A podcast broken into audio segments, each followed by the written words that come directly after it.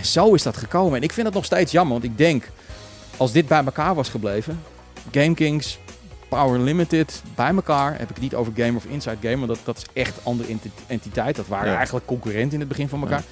Dan hadden we het sterkste bolwerk in Nederland. Daar had niemand tegen opgekund. Niemand.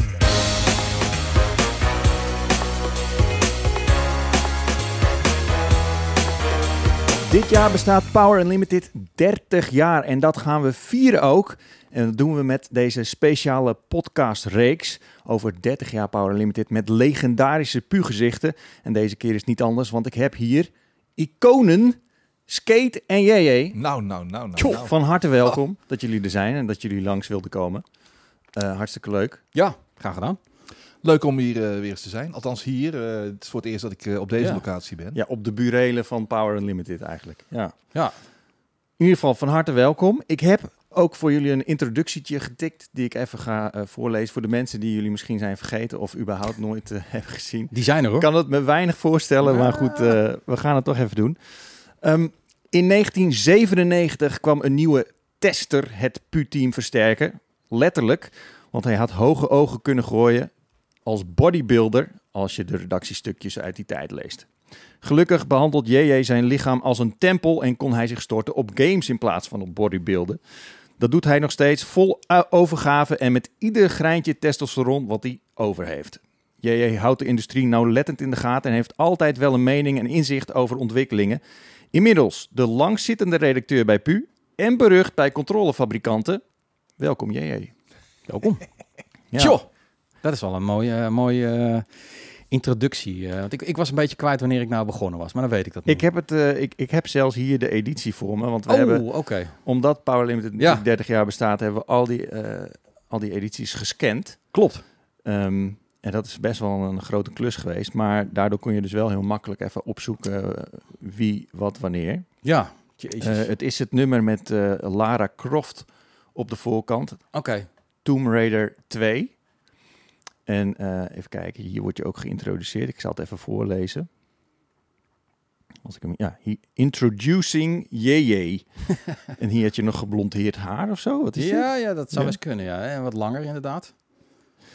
Op het moment dat Jan Johan de redactie kwam binnenlopen met zijn eerste proefrecensie, wisten we al meteen dat het wel goed zou zitten met zijn spellenkennis.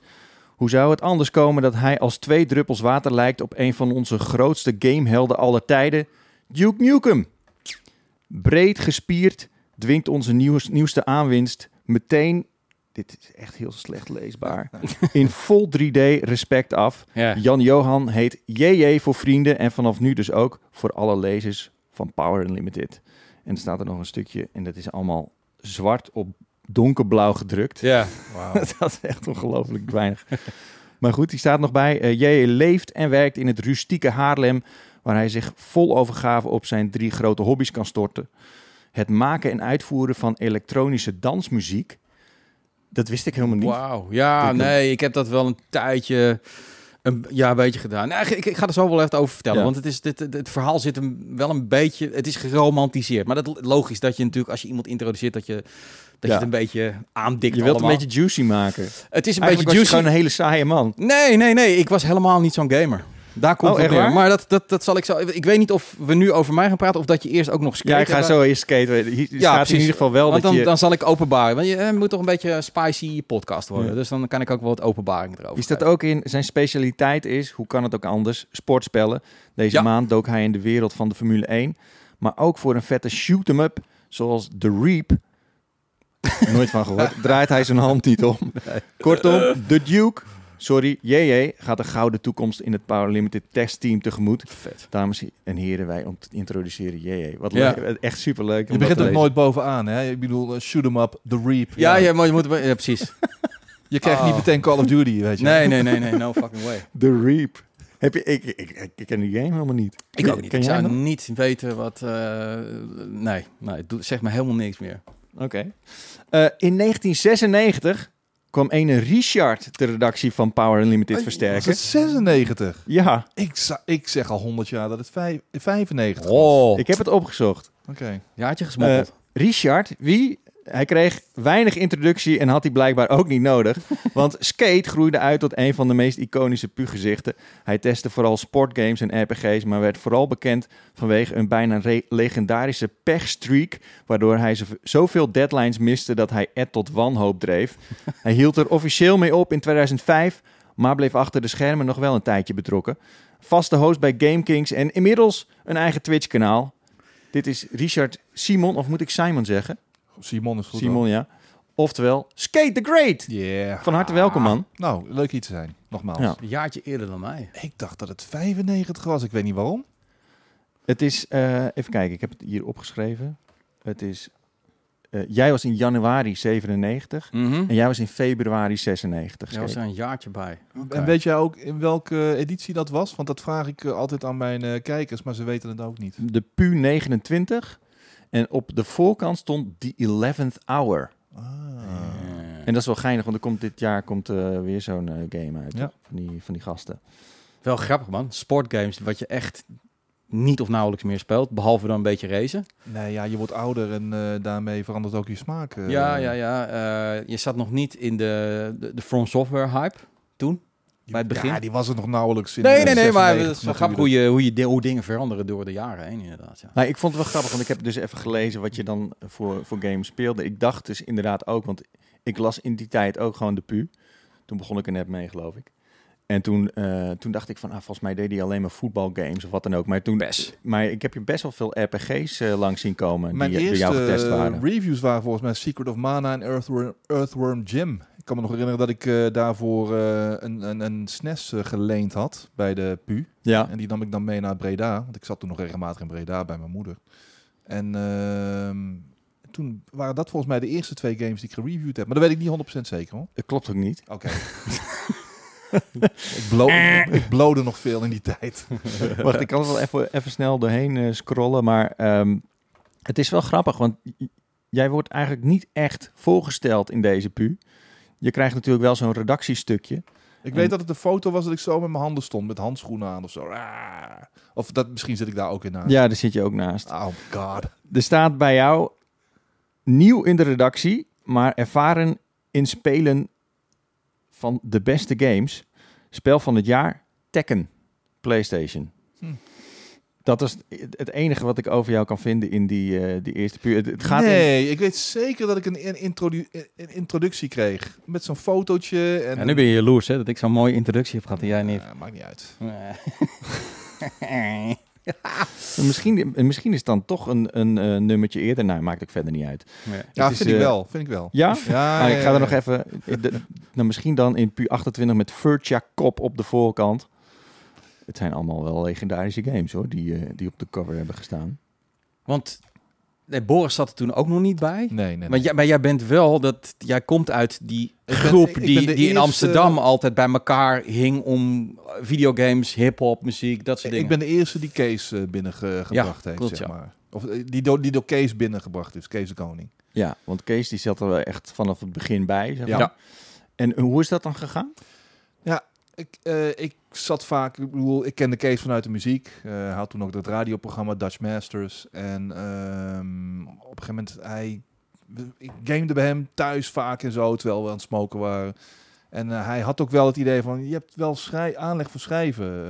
En en ehm, hij heeft mij toen eerst, want hij stopte bij de, bij de Oren op een gegeven moment, een muziekblad.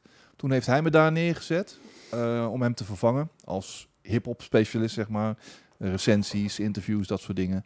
En toen, ehm, toen op een gegeven moment gaf hij aan van, ja, maar we, we hebben ook wat ruimte om bij de PU eh, wat dingen te doen. En je gamet hier veel, je, je hebt al laten zien dat je goed kan schrijven. Ehm, kom anders het team joinen. En zodoende ben ik op een gegeven moment bij de PU terechtgekomen. Moest je dan ook een proefrecensie schrijven zoals jij? Dat durf ik niet meer te zeggen. Volgens mij niet. Volgens mij ben ik gewoon eh, binnen geëased als het ware. Was Edwin toen al hoofdredacteur? Edwin was hoofdredacteur. Ja, oké. Edwin allemaal aan. Want ik, ik, ik denk wel, want ik heb natuurlijk voor, voor eh 30-jarige eh, eh, Power Limit heb ik een, die special geschreven samen met, met Peter, waarin ik, ik het oude gedeelte en hij zeg maar de laatste tien jaar deed. En er is wel echt, echt een hele hoop veranderd. Ik bedoel, uh, de, de aller, het allereerste begin was natuurlijk gewoon totale chaos, wat ik ook van, van Ed heb vernomen. Dat was vanuit huiskamers werken. Ja. Er was een idee van, we willen iets met games gaan doen, maar niemand wist überhaupt hoe ze een blad moesten maken, hoe wat sales was.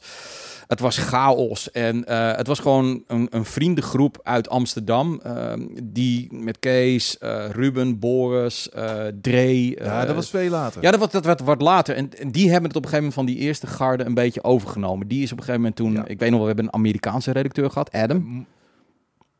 Was het een Amerikaan? Ja, dat was een Amerikaan. Ja, serieus, Adam. En, maar goed, wie weet, lul ik ook wel. Maar Benny de war met Mark Benny Benny Of was het Mark? Ja, Mark Benny Ja, en ik weet wel, Ed zei altijd van... Blauwe maandag. Ja, precies. En, en zijn vriendin schreef eigenlijk de stukken, want die kon Nederlands, dat soort Ja. dingen. Uh, ben de Dood zat erbij.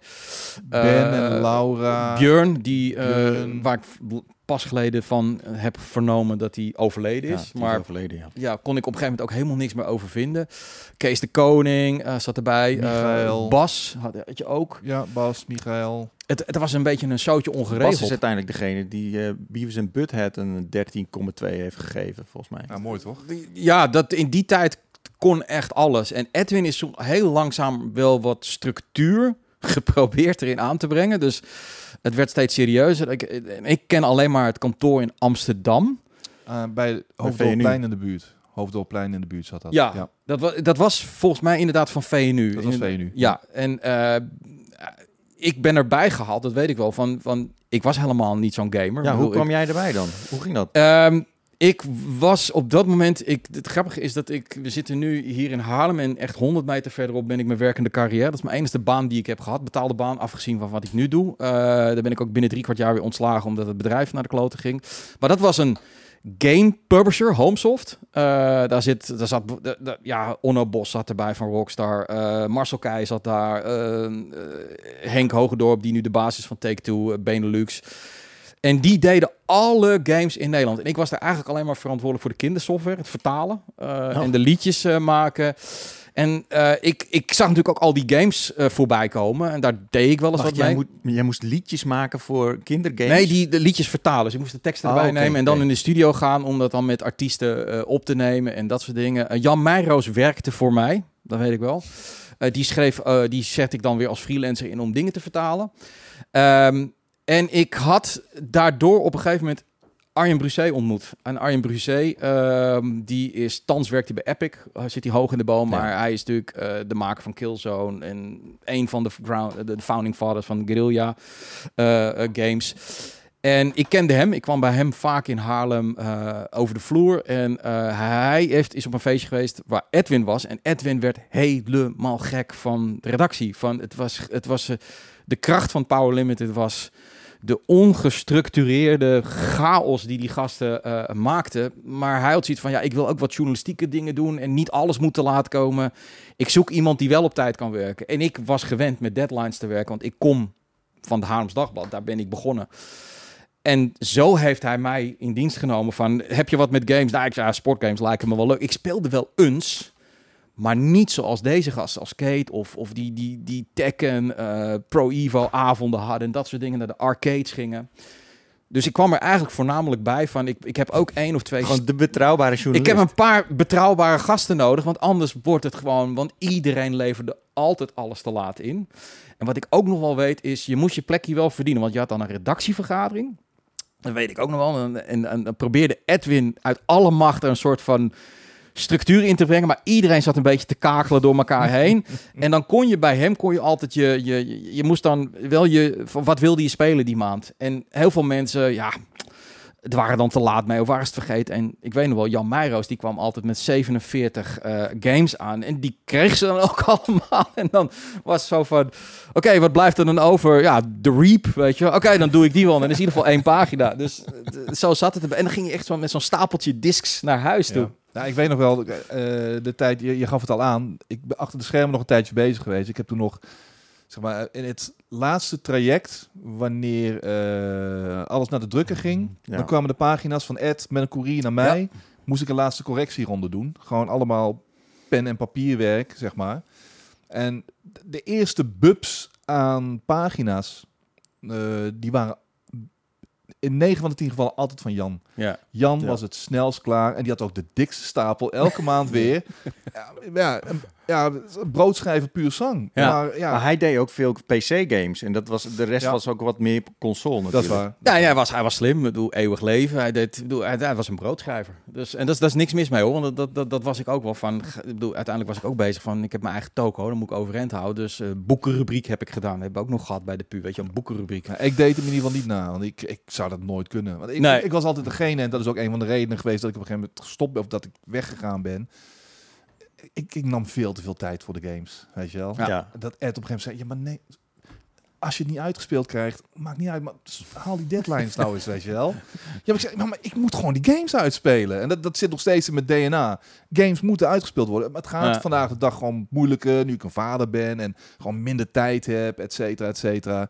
Maar ik doe nog altijd wel mijn best om het in ieder geval te proberen te halen. Wat natuurlijk, ik maak het mezelf alleen maar moeilijker, want ik hou van Souls-like games. Dus eh, het even uitspelen zit er niet meer in vandaag de dag. Maar Maar- jij, ging, jij ging voorheen echt voor de RPG-titels en jij dan voor de, voor de sportgames of voor de, voor de shooter? Ja, nou ja, wat ik al zeg. Je moest je positie wel eh, Er was een soort van hiërarchie in de- ja, nee, in de want ik, ik deed op een gegeven moment van, oké, weet je wel, de, de grote games, die kreeg ik niet heel veel. Dus, ehm, maar ik wilde wel mijn geld verdienen. Dus ik deed de golf simulations, ik deed de flight sims, ik deed alles wat de rest niet wilde. Eh, ja, dat, dat, dat deed ik maar. Kijk, en dan gedurende jaren veranderde dat wel. Want dat snap ik ook wel. Ik bedoel, Ed en ook Edwin en later Mark en zo, die zagen ook wel van, ja, ik kan alles wel bij wijze van spreken bij Boris neerleggen of bij Dre neerleggen, maar dan komt alles te laat. Ja. Dus eh, ik, ik verdiende daarmee, door op tijd te zijn, eh, eh, gewoon ook mijn positie. En Een plaatje in de pikorde. een plaatsje in de pikorde inderdaad. En nou, op een gegeven moment, ja goed, door de jaren heen haakten andere mensen natuurlijk gewoon af. En, en heb ik wel echt glorieuze tijden gehad. Eh, Jan en ik waren altijd wel een team. Wij, wij deden heel, wij gingen samen met z'n tweeën naar de E3. Ehm, ik heb vaak bij hem ook overnacht als we met trips en dat soort dingen allemaal. We waren echt wel redelijk buddy-buddy daarin. Want hoe, hoe ging dat in het begin? Was het, zagen jullie elkaar veel? Want je had natuurlijk niet echt eh, smartphones of, of eh, dat je online veel... Nauwelijks. Dus er Nee. waren niet echt redactievergaderingen of zo. Ja, één keer in de maand. Eh, Nou, maximaal hoor. In, Ja. in de tijd dat ik eh, begon, zeg maar. Nou, één keer in de twee, drie maanden volgens mij. Ik heb geen. Ik kan me niet meer herinneren of dat elke maand een keer was hoor. Ja. Nee, nee en, en wat ik al zeg van, ehm, de eerste keer dat ik binnenkwam, schrok ik me echt de pleuris. Want ik, ik, wat ik zeg van, ik ben de redactie van het Haams Dagblad en de GPD, eh, de gemeentelijke pers, dat is super georganiseerd allemaal met, met pikorde. En ik kwam daar binnen en iedereen kwam een half uur te laat, poten op tafel, weet je, jointje erbij. En, en dan probeerde Edwin de structuur en dan daar werd er dwars doorheen gekakeld. En ik denk, wat de fuck, wat voor lunatics zijn dit? En dat, dat, heb, dat heb ik wel een tijdje, moet, ik heb daar moeten wennen. Want, want bijvoorbeeld de E3, Maar kon je, Eh, kan je er ook wel een beetje van genieten? Dat je dacht van, ah, ik vind dit ook eigenlijk wel, wel Nou ja, tof. ik heb moeten leren van dat die mentaliteit van hang loose, weet je wel, van just live life, weet je wel, lol hebben en eh, dat, dat het niet alleen maar sec, gewoon eh, deadlines en journalistiek en dat soort dingen. Van de pu is natuurlijk gewoon ook tof, omdat het anders is dan al het andere. En, en serieus, ik noem dat zelfs wereldwijd. Ik heb zoveel bladen in de wereld. Ik kan geen één blad kan ik vergelijken met wat Power Limit is. Dat, dat persoonsgedreven karakter, building van gasten die naast gamen van je weet van oh, maar die, zit, die doet heel veel sport en die zit heel erg in de hip-hop en ze gaan naar die concert en dat soort dingen. Ik zie dat nergens. En dat, dat heb ik wel leren waarderen. Ik heb daar wel op een gegeven moment doorheen gegaan van oké, misschien moet ik zelf een beetje mellowen. En, eh, en dat is nu al na, na, na, naar elkaar toegekomen. Want ik weet ook van Boris en Ruben, die vonden mij ook maar een rare snoes aan, weet je wel. Van eh, ja, dit- dit- die gast, weet je, die is toch veel te, te straight. Maar inmiddels hebben we elkaar wel leren kennen. En nog steeds zijn we wel verschillend. Maar dat vind ik ook het mooie van Power Limited. En, en waar ik nu werk, GameKings, het zijn elf of hier ook tien gasten met verschillende meningen, verschillende personen die heel goed met elkaar om kunnen gaan.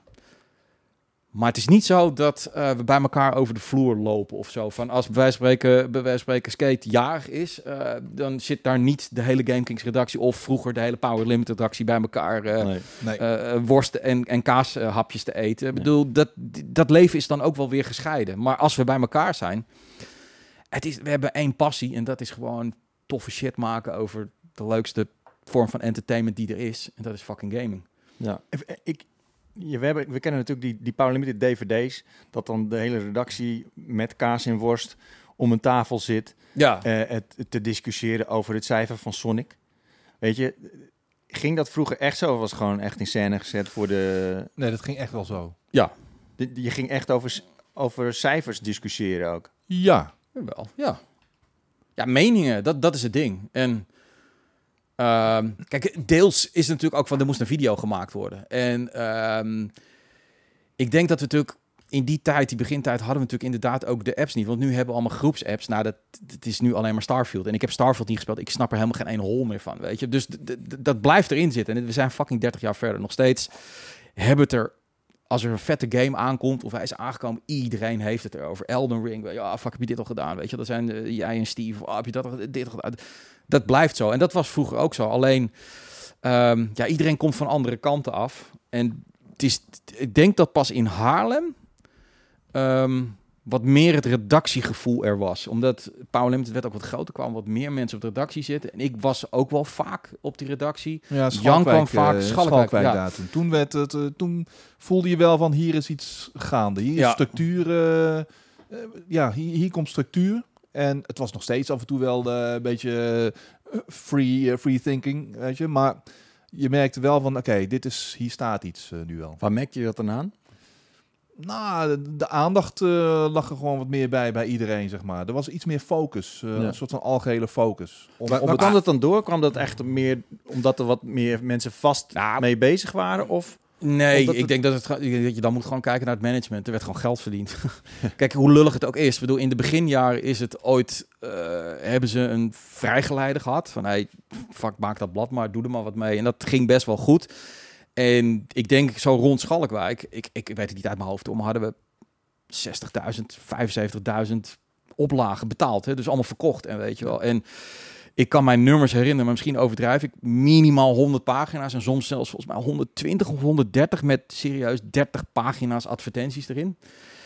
Ja, daar zaten, dat, was gewoon big business, weet je wel. En toen kwam op een gegeven moment ook Power Limited Gameplay erbij. Er werd gewoon geld verdiend. En dan word je als blad, word je ook binnen een bedrijf meegenomen. Van oké, dan wordt het wat serieuzer. Dan komen de salesmensen bij en er werd er door het marketing werd er over vergaderd.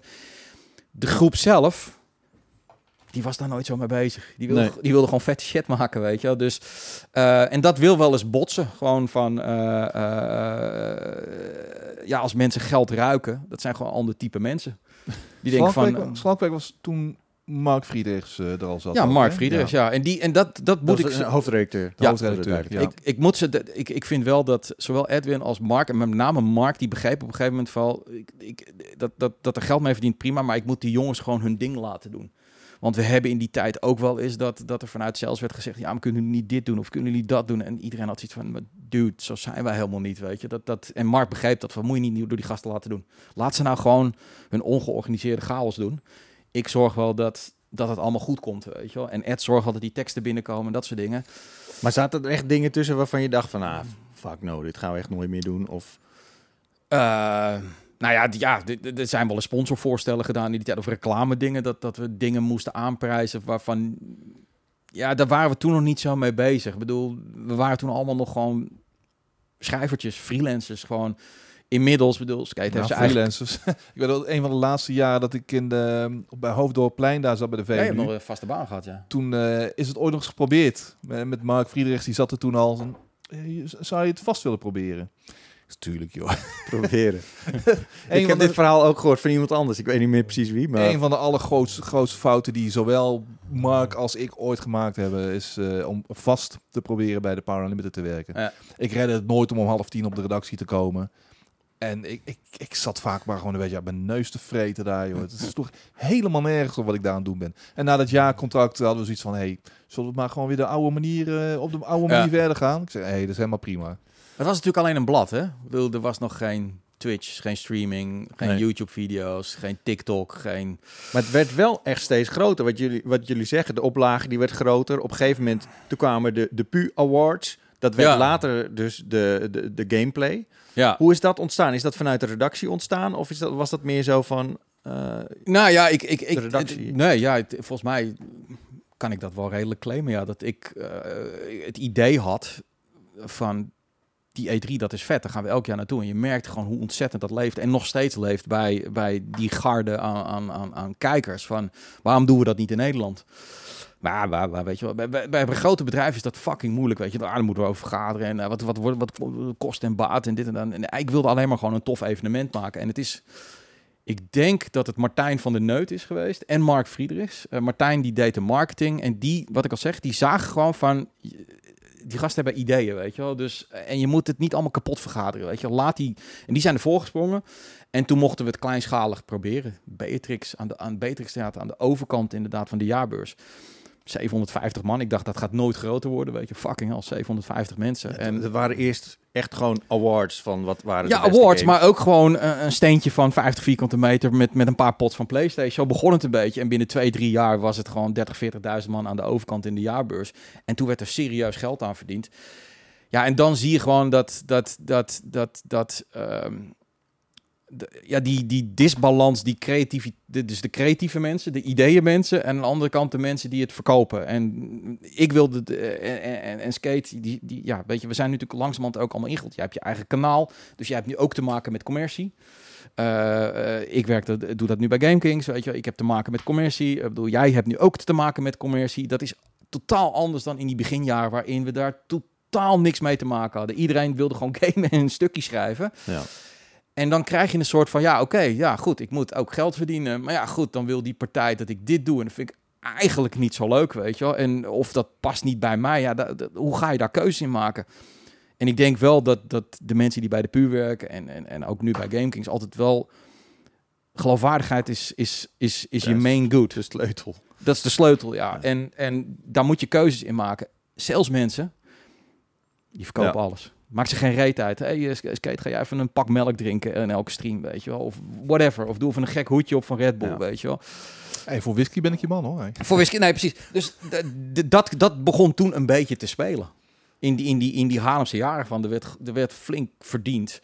En dan krijg je een soort van spanningen. En ik denk dat een van de uitsluitsel is daarvoor dat dingen uit elkaar zijn gegaan. Van, Maar wacht eens even, dus hartstikke leuk dat jullie de geld verdienen. Maar kijk, ik heb altijd gezegd van neem een willekeurig blad. Libelle, Voetbal International, De Tijd. Ik, ik noem maar drie totaal verschillende, of Elsevier, weet je wel. Die bladen, als jij morgen de hele redactie eruit haalt, is het andere redactie erin.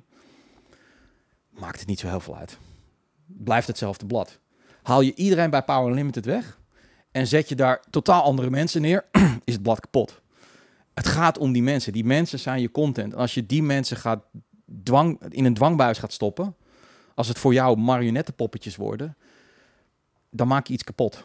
En dat is een beetje het spanningsveld. En, en gelukkig dat, dat, dat, dat Power Limit dat ook overleefd heeft, die jaren. Want dat past best wel heftig gewoon daarin van, van ja, kunnen we niet nog meer doen en kunnen we niet dit doen en kunnen we niet dat doen. En ja, als mensen dat niet tof vinden, ja, je, je kan mensen niet dwingen. Ja. Het zijn gezichten, het zijn persoonlijkheden en die geloofwaardigheid. Ik denk dat dat de kracht is, dat mensen ons als maatjes als vrienden zien. Dus zo ervaar ik dat altijd. Het is niet een soort van heilige afgodenis, maar het is meer zo als we denken van, oh die Chert, maar die, het is, het is eigenlijk, ik, ik zie hem als iemand, mijn buddy, weet je wel, die naast me op de bank die game zit te spelen. En dat vinden mensen leuk. En daarom hechten ze een bepaalde geloofwaardigheid aan de artikelen die we maken, de video's die we maken, omdat ze, ze herkennen zichzelf ja. erin. Je kunt je ermee identificeren en je hebt het idee van oké, als hij het tof vindt, vind ik het dat tof. Exact. Hoe, hoe, hoe, hoe ging dat in het begin? Want op een gegeven moment uh, werd Game Kings geboren. Ja. Dus een, een tv-programma, eigenlijk een hele logische vervolgstap eigenlijk. Hè? Want mhm. het, het, waren toch bewegende beelden. Hoe, hoe is dat gegaan dan? Dat is uiteindelijk met Boris en Ruben begonnen. Ja, nou ja kijk. En Dre, ja. En Dre, uh, het lullige is, ik, het, het, en het worden er nog best wel vaak mee geconfronteerd dat mensen denken van het is, is hetzelfde, weet je wel. Uh, Power Limited en Game Kings, dat is één hetzelfde. Uh, helaas is dat niet zo, maar het had wel zo kunnen zijn. Want VNU heeft alles aangeboden gekregen. Alles, uh, of televisie, gewoon samenwerken, 50-50, weet je wel, we doen het samen. En daar zie je in, zo'n groot bedrijf gaat dan eerst vergaderen. Gaat dan, en dan weer naar vergaderen. En dan, ja, maar zo, en dan onderhandelen over dit, onderhandelen. Dat hele creatieve idee, dat verdwijnt dan dat steeds meer. Kapot vergaderd. Dat, dat, wordt kapot vergaderd. En, en, en het gaat dan alleen maar van, ja, maar 50, 50, ja, nee, dan willen we wel 65, 50. In plaats dat je zegt van, fuck, visionair, weet je wel. Uh, jullie hebben de Power Limited groot gemaakt met die hele crew. eh, we geloven in jullie. Ga ervoor, weet je wel. Nou, en Ja. daar is dat op een gegeven moment werden ze dat gewoon volkomen zat. Hetzelfde is gebeurd met Power Limited Gameplay. Dat zouden we samen gaan doen, weet je wel, met GameKings en Power Limited achter. Nou, dat Dat was ook in het begin, toch? Dat, Ja. Zo, zo maak je het een beetje mee. Eh, Ja. Skate, jij, jij presenteerde dat. Ja. Toen ging je weg bij PU en toen bleef je het ook eh, presenteren. Tenminste, dat was het idee toen Ja. afhankelijk. Ehm, maar het tv-programma dat begon. En toen was eigenlijk... Iedereen werd overgeheveld naar het tv-programma. Iedereen zat op een bank. Het is, het is, een, tijdje, hoe het is, dat? het is een tijdje samengegaan. Hè? Ik bedoel, in de Er eerste jaren was overlap geweest. Power Limited was seizoenen. sponsor van GameKings. Dat, en, en, en zo zouden we het gaan doen. En op een gegeven moment is dat gaan draaien. En zag VNU van, hey, het, is, het wordt succesvol. En dan krijg je dus opeens... eh en dan gaat het alleen, alleen maar over geld en niet meer over creativiteit. En daar is het op, op, op, op, op een hele vervelende manier. En dat heeft echt serieus, geloof mij, niks te maken met de crew, de redactie. Want dat denken mensen al van... Hebben jullie dan ruzie met elkaar? Als je Wouter ziet of Cheert? Mag je, hem, mag je hem niet? I don't care. Nee, natuurlijk niet. Jullie zitten, we doen allemaal hetzelfde, weet je. We hebben allemaal passie voor games. Het gaat om het management, mensen die erboven zitten. Die hebben op een gegeven moment, ja, dat, eh, proberen het uit elkaar te wrikken en, en, en af te pakken of te claimen. En, en daar is het op fout gegaan. Ja, dat moet je bij Boris en Ruben dan niet doen. Dat zijn gewoon gasten van de straat die zeggen, oké, fuck you, dan doe het zelf. En zo is dat gekomen. En ik vind het nog steeds jammer, want ik denk, als dit bij elkaar was gebleven, GameKings, Power Limited bij elkaar. Heb ik het niet over Game of Inside Game, want dat, dat is echt een andere enti- entiteit. Dat waren Ja. eigenlijk concurrenten in het begin van elkaar. Dan hadden we het sterkste bolwerk in Nederland. Daar had niemand tegen opgekund. Niemand. En dat, dat, dat vind ik nog steeds jammer, want in principe, ja, we, we zijn allebei character-driven media. Ja. Inside Gamer of Gamer is iets totaal anders. Dat is, dat is, voor mij is dat gewoon nieuws, weet je wel. Daar ga je heen als je nieuws wil lezen. Tuurlijk heb je wel wat binding met die mensen, maar dat is niet zoals met Power Limited of, of met Game. En dat zag je eigenlijk natuurlijk direct in het begin al wel. Hè? Je maakt een tv-programma, je maakt een, een tijdschrift, beide enorm populair. Je hebt eigenlijk een soort van monopolie op de vette Zeker. stripjes, zeg maar. Ja, Zo van, oké, dan heb je eigenlijk twee vliegen in één klap. Zeker omdat je gewoon dezelfde gezichten hebt, dezelfde mensen die, het, die dat maken. Ja. Dat, dat waren dan wel echt gewoon geniale tijden, moet ik me voorstellen. tuurlijk. De, de, de, de, de, de, geldbomen reikten tot de, de toppen tot in de hemel. Ja. Eh, de, de trips, de, de meest luxueuze trips, weet je wel. Echt ongelooflijk. De, de, de hotels waarin we verbleven. Het eten wat we aten. Het drinken wat we dronken. De, de locaties. Eh, bizar, weet je. En eh, dat, dat was inderdaad heel erg handig, want je kon heel veel combineren. Want dan moest ik een artikel schrijven Ja. bijvoorbeeld eh, over ehm, Pro Evo toernooi in Nice, weet je wel, of, of wat dan ook. Ja, en dan, dan, dan dat is een verkeerd voorbeeld, maar dan kon je dan ook bijvoorbeeld meteen eh, een video daarvan maken, weet je Ja, wel. precies. En ja, dat ging in het begin nog goed. Maar op een gegeven moment ontstond dus steeds meer die afstand. En Ja. ja, daar is op een gegeven moment mee gestopt toen.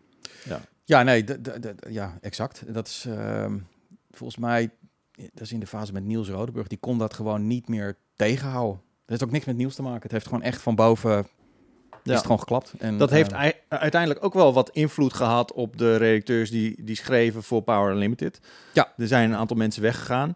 Uiteindelijk wel wat later dan je zou denken, als je kijkt naar wanneer die, die Ja, conflicten waren. Nee, klopt. Want dat eh, Power Limited op dat moment, wij maakten, GameKings maakte video en Power Limited was toen nog vooral schrijven, website was ook schrijven. En op een gegeven moment, eh, na een aantal jaar, één, twee jaar, ging Power Limited natuurlijk ook video's maken. En toen kwam een beetje het conflict. En dan gaan we het ook wel aan de bovenkant hebben van, oké, bedoel dan, wie is JJ, wie is Kate dan? Is die dan, want dat ga je natuurlijk wel krijgen. Is hij nou GameKings of wie is het gezicht van Power Limited? En dan ga je gewoon van, ja, nee, dan heeft heeft, heeft denk ik zowel Power Limited als, als, als Boris of het management bij Blammo gezegd van oké, maar eh, of je kiest voor ons als gezicht, of je, Ja. kiest, of, of je kiest voor Power Limited als gezicht. Nou, dan weet ik, Jan Meijroos heeft toen voor Power Limited gekozen. Die is daar naartoe gegaan. En Skate en Steven. Of, ik weet het eigenlijk niet eens. Heeft Steven ooit bij de PU gezeten? Ja, zeker. Oké, ja, nou, Ja. Die, de- dus die crew die is daarheen gegaan. Maar dat is, dat is later geweest dan na twee jaar, hoor. Want nou, oké, nog wat later inderdaad. Maar dat, ja, dat is uiteindelijk, nou ja, eh 2000. Toen, toen, toen Jan uiteindelijk bij, bij kwam Ja, en uiteindelijk die keuze moest maken, ja. dat was echt 2010 geweest. Nee, maar dat is, ik denk dat er ook altijd een beetje heeft meegespeeld van... Damn, jongens, we hadden dit samen kunnen doen. En Ja. nu gaan we fucking met elkaar lopen concurreren. Ja. En zeker in die tijd met dezelfde gezichten. Kijk, nu, nu is er is altijd concurrentie. Laten we gewoon eerlijk zijn. Ik bedoel, we vissen allemaal in hetzelfde vijvertje. Uh, en dat vijvertje is niet een heel groot vijvertje, maar dat, dat maakt verder niet uit. Uh, maar het zijn andere gezichten geworden, weet je wel. Dat zijn andere gezichten geworden en games zijn dan die gezichten. Ja. In die tijd waren het, was het een beetje diffuus. En ik ben de laatste die eigenlijk nog bij beide zit. En daar is gewoon een afspraak over gemaakt. En dat heb ik ook. Ik wilde gewoon blijven schrijven, omdat ja, ik, ik vind het gewoon. Het is de basis van, van alles wat ik ooit gedaan heb. Dus dat wil ik trouw blijven. Maar er is wel de afspraak gemaakt. Uh, mijn gezicht uh, komt niet op PuTV. Uh, en alleen voor deze podcast, weet je, dat is zo'n speciale gelegenheid. Vind ik prima. Maar het lullig is, het heeft niks met, met, met jou te maken nee. of de mensen. Maar de industrie houdt het ook niet meer uit elkaar. Want dan gaan ze het gewoon proberen. Want dat deden ze op een gegeven moment wel van... Nou, maar als je, gaat voor, als je voor game... Kun je dan ook de Power Limited er even gewoon even bij pakken? Weet je? Als, ja, maar nee, ja. ik bedoel... En omgekeerd ja, ook. dat, dat wordt lastig inderdaad. Dan word je tegen elkaar uitgespeeld, weet je wel. En er moet duidelijkheid zijn. En dat is toen helaas zo gekomen. Echt, uh, ik vind het nog steeds zonde. Want dat bolwerk had zo groot kunnen zijn. Hmm. Hoe heb jij dat beleefd, uh, Skate? Zeg maar die, dat he die hele periode eigenlijk. Want ja, je was misschien ja, iets op een andere manier betrokken, denk ik. Ja, kijk, ik, ik was niet zo heel erg uh, in de loop. Ik zat niet zo in de loop wat betreft uh, de, de political games, zeg ja. maar. Weet je, ik had zoiets, ik wil gewoon mijn ding doen. En, ja. uh, maar ik, mede door het succes in de eerste seizoenen van Game Kings, van, we begonnen weliswaar op de box, maar het werd echt een soort van we kregen al snel een cultstatus als het ware. Mm. Um, en het was echt... Kijk, want je had daar, daar, daar tegenover stond Gammo. Ja. Maar Gammo was gezichtloos. Ja. Het ja. was heel steriel. Het was heel beschouwend of zo. Er werden nooit echt duidelijke meningen voor geformuleerd. Game Kings was echt gewoon bam. Uh, weet je, we maken gewoon lol. We praten met z'n allen over games. En we, we geven on, on, onze ongezouten meningen. En dat was het enige wat ik wilde. Uh, daar voelde ik me het meest thuis bij. Dus ik werd al snel niet meer die guy van Power Unlimited. Maar ik werd gewoon het gezicht. Want ik was presenta de main presentator bij Game Kings ja. die eerste seizoenen.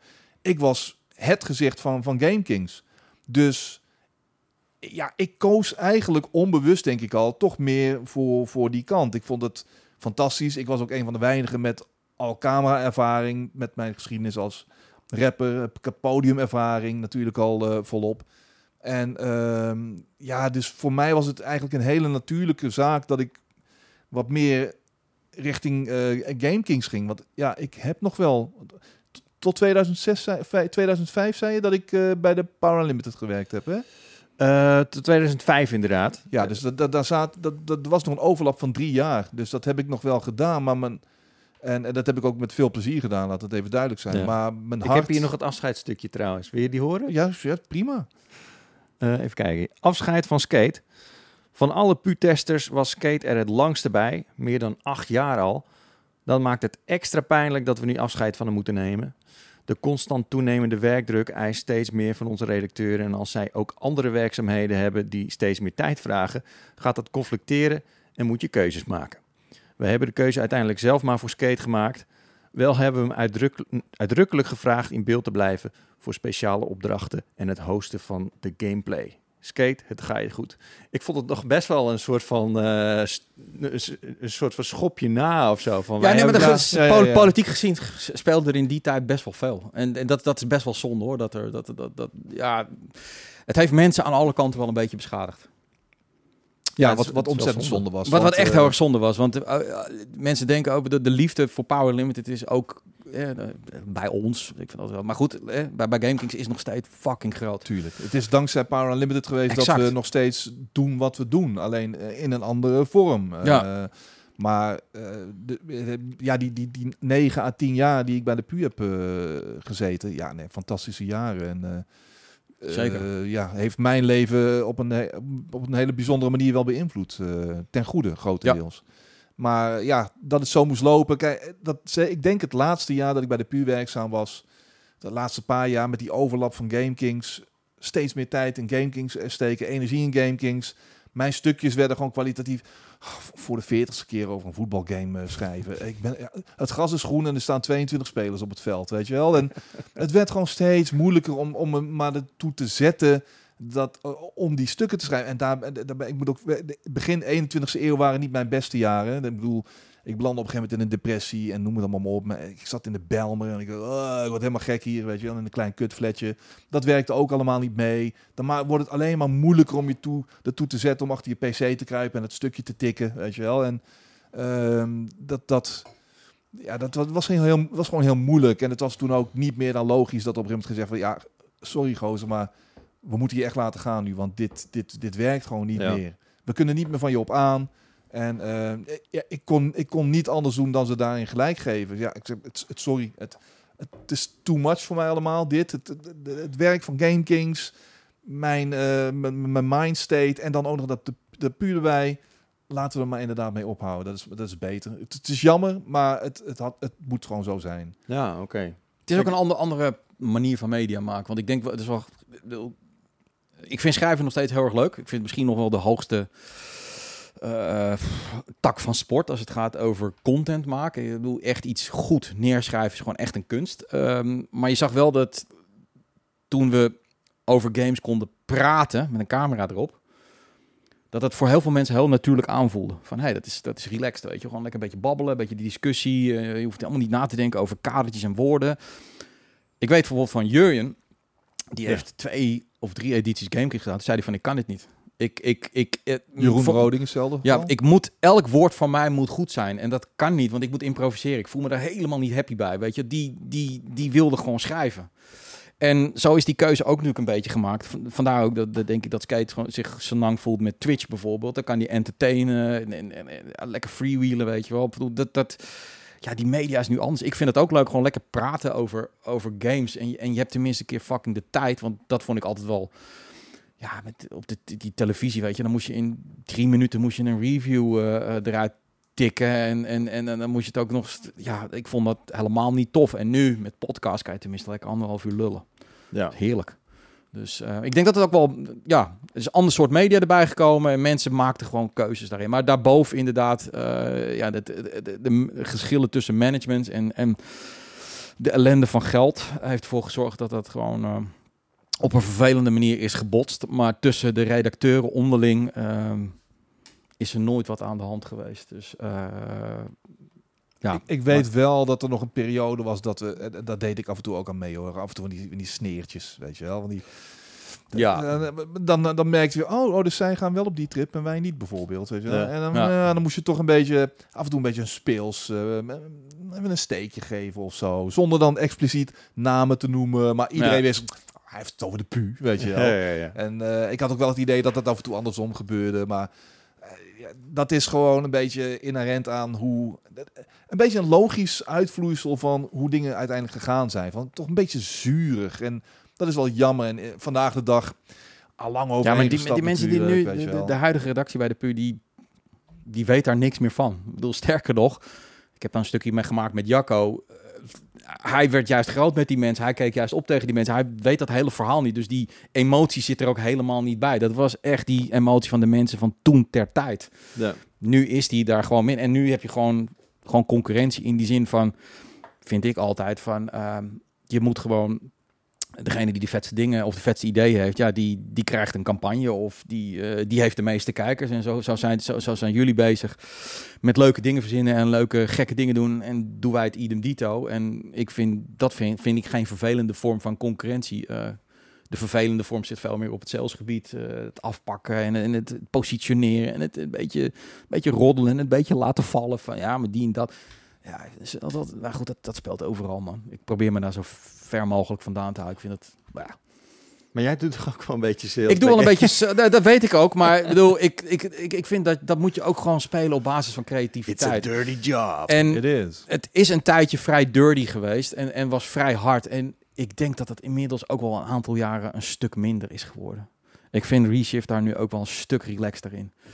Eh, maar het is een tijd lang is het wel echt vrij vinnig geweest, ja, klopt. Ik denk ook dat het komt omdat het nou, wat langer geleden is. De hoofdpersonen die zijn er niet eh, allemaal meer Ja, eh, zo aanwezig als eh, voorheen. Ik denk dat het allemaal een beetje mellower is geworden. nou, de industrie werd er ook helemaal gek van. En, en eigenlijk is het, ja, dat denk ik ook. Maar ik denk ook dat er ook op een een of andere manier is het de, de type content ook wel ietsje anders Tuurlijk, tuurlijk. geworden Ja, dan, nee, eh. Zeker. Zeker, ja. dan Nee. in het begin. Want in het begin was het eigenlijk gewoon Power Limited, maar dan op tv. En, en dat is inmiddels eh, wel, wel wat anders ge- geworden Ja. natuurlijk. Nee. Ehm, Nee, dat, dat klopt. En eh, ik denk dat de industrie er ook heeft meegespeeld. Die werden op een gegeven moment wel een beetje helemaal gek van, die, van dat gekift. Je hebt precies van, doe even normaal, weet je wel. Eh, ehm, ja, het, in Nederland zijn er gewoon op dit moment gewoon twee partijen. Je hebt, je hebt Reshift, je hebt... En dan heb ik het over oude media. Want je hebt natuurlijk... Ik bedoel, eigenlijk...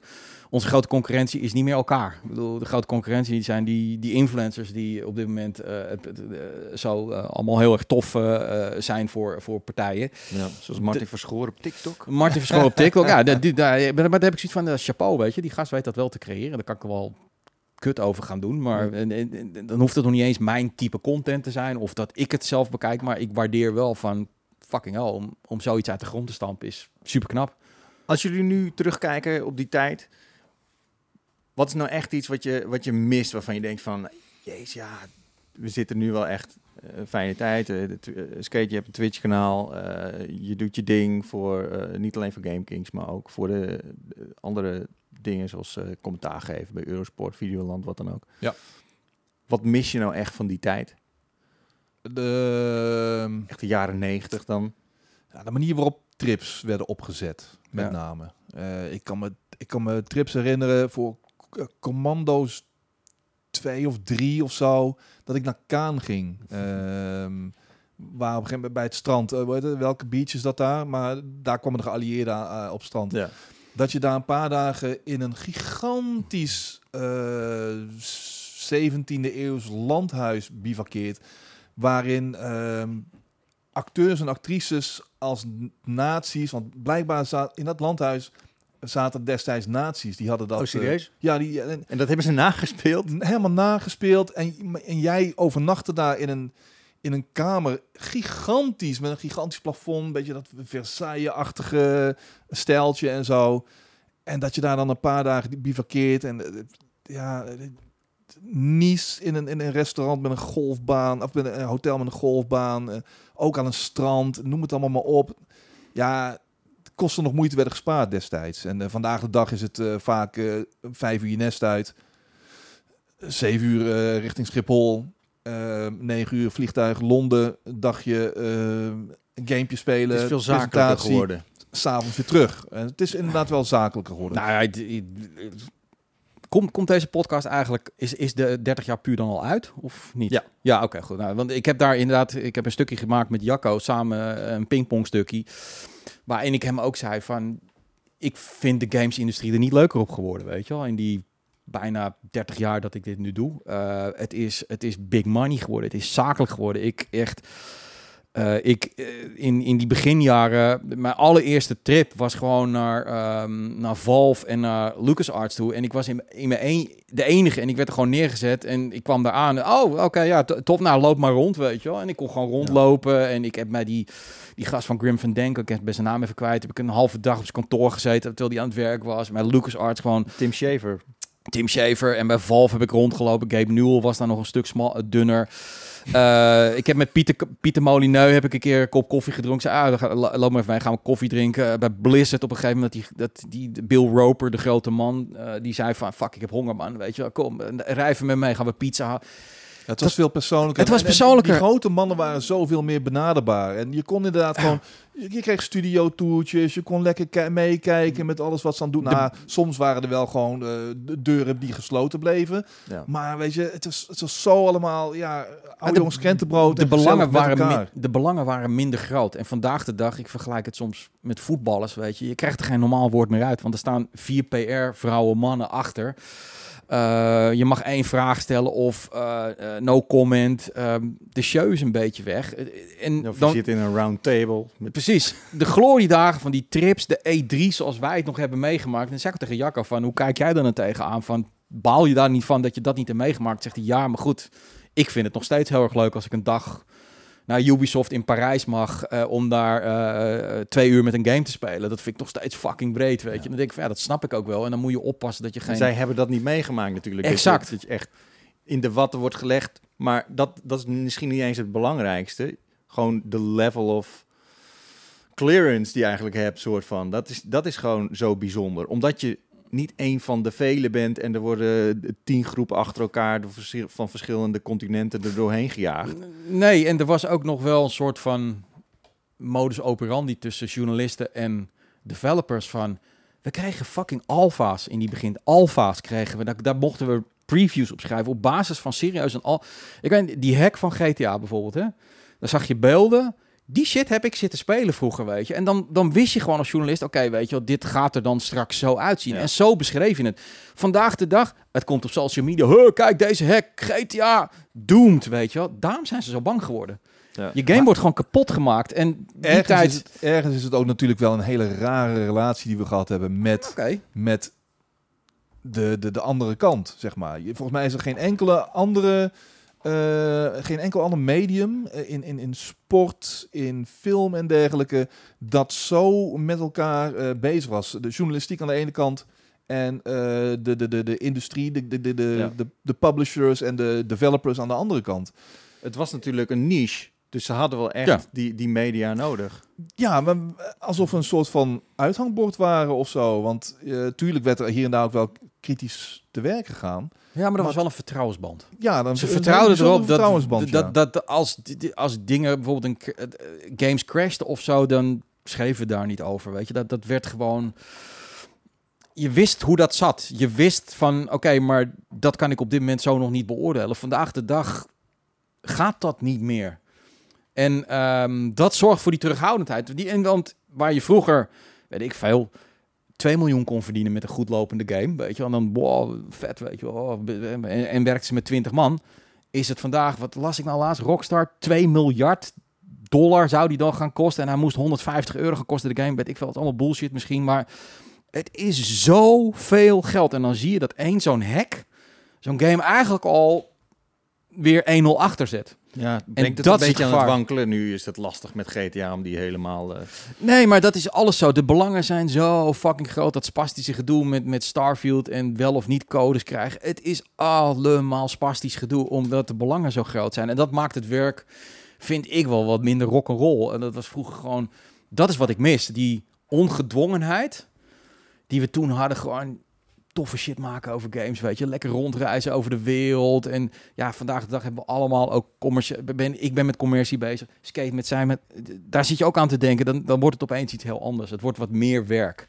ja. En dat vind ik wel jammer. Die tijden waren, die, die komen gewoon niet meer terug. Nee. En Gelukkig wel nog heel leuk werk. Hoor. Laat het ja, nee, zeker, zijn. zeker. Ik bedoel, dat, dat, dat is, maar het is, dit is wel veranderd. En, en, ehm, maar Jacco beleefde dat gewoon op een hele andere manier. Ehm, voor hem was het een droom die uit was gekomen. Dus dat, dat is ook alleen maar tof. En dan moet je ook gewoon niet als een soort van oude verveelde zeur gaan zeggen... "Ah, vroeger was alles beter. Ja, het, het is maar gewoon als je anders. niet beter weet, dan eh, snap Nee. ik wel dat zoiets fantastisch is. Gewoon Ja. een dagje op en neer kunnen om een nog niet uitgekomen game eh, al te kunnen spelen. Ja, Maar het, wa- wat jij zegt, Skate, is natuurlijk ook wel... Je hebt ook wel een punt. Die relatie was heel erg apart eigenlijk. Hè, als, als journalist of als eh, de- redacteur van Power Limited. Ja, nou, Was- ik zag mezelf ook nooit als journalist. Nee. ja, in, de, in het verleden werd het ook gewoon het testteam genoemd. precies. Eh, en dat, dat is eigenlijk precies wat het was. Ja. Ehm, maar in die tijd was het, eh, was het natuurlijk perfecte content. Je kan ergens een kijkje achter de schermen nemen. En, dan- en, dan neem je eigenlijk.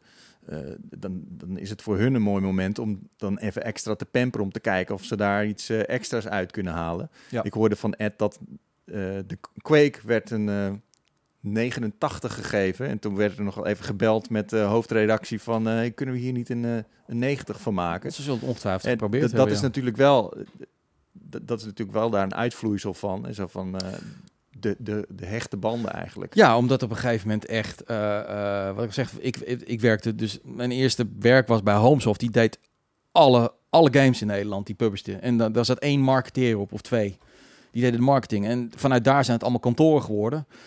En die kantoren, eh, die worden gewoon afgerekend op Metacritic, weet je wel. Van als jij in Nederland, eh, die cijfers, die halen ze dan binnen. En als je dan, dan wordt er van tevoren bepaald, oké, die, die game moet een 8.3 eh, halen. Zit je erboven, krijg je een bonus. Zit je eronder, krijg je, krijg je stront. Nou, dat was in Nederland natuurlijk nog veel specifieker, want er was maar een x aantal platforms Ja. dat scores verzorgden.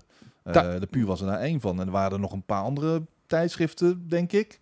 Ja, Maar, en daar Ja, hield het dan op. Dus, Hoogspel was er. hoogspel, eh dus een Play- gemiddelde was ja. snel gemaakt. eh, OPM, PlayNation. ja. Je, je had wel wat. En, en dan had je ook nog eens een keer bij de Power Limit te maken met, met ongeleide projectielen die gewoon een game Als op is, ja, dan Up, krijg je 3.1, weet je wel. En dan fuck, terwijl die ergens anders een 8.1 krijgt. Maar dan was het, weet je wel, ongenuanceerd argumentatie die heel raar was. En dan moest Mark of Edwin moest dat maar weer gaan verdedigen. En eh, ja, dat krijg je nog wel steeds. Ik, als, je, als je echt hele rare cijfers geeft, ja, wij geven geen cijfers meer, juist daarom. Maar als je hele rare cijfers geeft, dan krijg je dan inderdaad van, ja, maar hè, gemiddeld, gemiddeld is een 8.3 en jij geeft een 5.4. eh, hoe kan dat dan? Ja, sorry, maar smaak. het gewoon kut. Ja, het is gewoon kut. Die, die meneer van het kut, jammer, jammer voor je, weet je Ja, wel. dat Wouter nog steeds wordt afgerekend op zijn Witcher 3 eh, review. Ja. ja, hij, hij, ja, hij backt ook niet down, gelukkig. Ja, en hij vond Nee, maar die- dat heeft alles- combat gewoon... eh, Ja, nou, maar dat beter. zijn smaak en, en, en het, het blijft erbij. Ik bedoel, objectieve reviews schrijven Ja, dat bestaat niet. bestaat niet volgens mij. Het is altijd Nee. een stuk subjectiviteit, omdat hij die combat niet tof vindt. En dan, dat zie je met Starfield ook. Sommige mensen vinden het fantastisch, anderen zeggen, nee, suf, saai, weet je wel. En dat wordt allemaal zo, Maar dat, dat zijn toch de leukste gesprekken Tuurlijk. die je met iemand kunt hebben. maar niet voor een developer en een publisher. Nee, nee zeker dat. niet. Nee, nee. En, en dan, dan krijg je inderdaad ook wel eens een keer dat je op de blacklist wordt gezet ergens. Ehm, Zeker. is er wel eens iets door jou op de blacklist gezet? Ongetwijfeld. maar niet dat je het weet.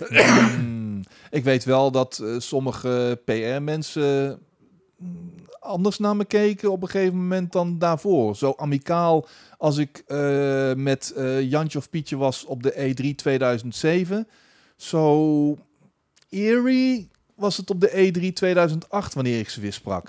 En dan is er in die tussentijd iets, heeft er iets plaatsgevonden. Ben ik gewoon, heb ik ooit eens een, een, een disc eh, op, op camera doormidden gebroken, weet je wel. Ja. Of heb ik iets totale stront genoemd, ja, waardoor je dan toch eh, ja, de, de, de, de, de band die je dan hebt, als het ware, die je hebt opgebouwd met een PR-manager bijvoorbeeld, ja, die, die loopt dan een, eh, een aardig deukje op. Dat is eigenlijk best wel apart, hè? Want je hebt best wel een persoonlijke band dan met zo'n PR-medewerker, maar dat kan Wat dus ook heel weird is ja, wat, wat, wat raar is. Maar het- om, omdat je dus best wel veel met elkaar op reis bent eigenlijk. Je bent Ja. een soort van schoolreisje Ja, aan het doen. Ja, je, je, je, je, je leert elkaar zeker ook van, van een andere kant kennen. Ja. Genoeg roddels hebben we daarover. Nou, maar hoe dat inderdaad zo om kan slaan, omdat zij zo onder druk worden gezet door hun, eh, door Ja. hun werkgever. Ja, dan heb je dus off the record en on the record. Dan zeggen ze altijd eh on the record. eh, wat kut dat je dat doet. En dan off the record. Ja, ik begrijp het ook wel. Maar ja, ik moet, mag ik niet zeggen van mijn baas, maar dit en dat eh, kun je het dan toch. Maar ik, ik, ik weet wel, maar er is ook weer dat spanningsveld. dat- dat- van, ehm, toen op een gegeven moment die game shit steeds serieuzer werd. Eh, dat eh, er vanuit uitgevers wel werd gevraagd van... oké, kom met deze game, kan Pietje die reviewen? En liever niet Jantje, want Ja. ja, en, en ik moet wel zeggen, Mark en Edwin en ook Niels gingen daar wel heel goed mee om. Van, sorry, maar... eh, En dan krijg je dus iemand van sales die zegt... "Ja, maar ik heb net vier spreads verkocht van die, van die advertenties. En dat, want als Pietje... Ja, dat is, dat is moeilijk, man. Van, Ja. Uiteindelijk willen we ook allemaal wel een salaris hebben. Nou, daar moet je als hoofdredacteur heel, heel strak in zijn. En ehm, in, in Nederland is dat inmiddels wel een beetje passé. Maar dat zijn van die dingen die dan spelen. Dus ook rond Starfield. Daar is iets gebeurd. Iets persoonlijks tussen hoofdredacteuren of salesmensen. En dan is het op een gegeven moment Ja. zegt Bethesda gewoon... Oké, fuck jou. En het is hun recht, hè? Ik bedoel, moet, moet ook Ja, niet dat ge- is- dat geprivaliseerd zijn van... we hebben recht Ja. op... Nee, je hebt recht op helemaal niks. Maar er is wel iets gebeurd en dat gaan ze allebei niet naar buiten brengen. Ja. Vervelend. We hebben eens een keer een campagne gedaan met een level editor voor niets. Ja. En toen eh, hadden we groepen die tegen elkaar het leukste level maakten. En eentje maakte natuurlijk een piemel.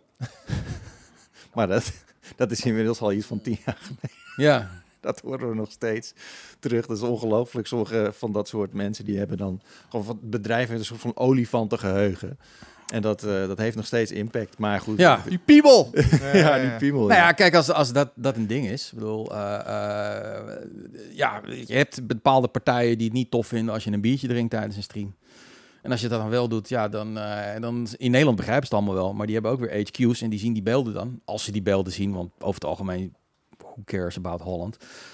Nou, dan krijg je daar gezeik over, weet je wel. En dat kan best wel eens heftig zijn. Dan zegt zo'n HQ gewoon, want die heeft dan weer te maken, zeker de- de- deze dagen, met het, het beeld van, weet je wel. En ik snap dat ook wel weer een beetje. Als een grote influencer opeens in zijn blote piemel een bepaalde game staat te spelen. En daarbij zegt dat hij ontzettend geilt op meisjes van 14 jaar, terwijl hij een sponsored stream doet van die game, heb je echt een groot probleem. Dan zeggen ze over die streamer van, Ja, het is wel een beetje een rare dork, maar belachelijk trouwens dat dat bedrijf in zee gaat met iemand die...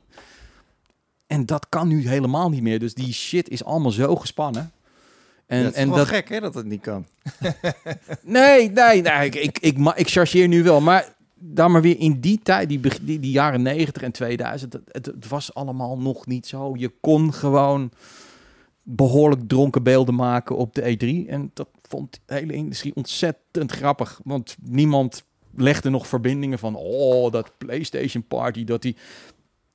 Op de PlayStation Party werden gewoon 2.000, 3.000 mensen volkomen bezopen eh, gemaakt door PlayStation. Zo.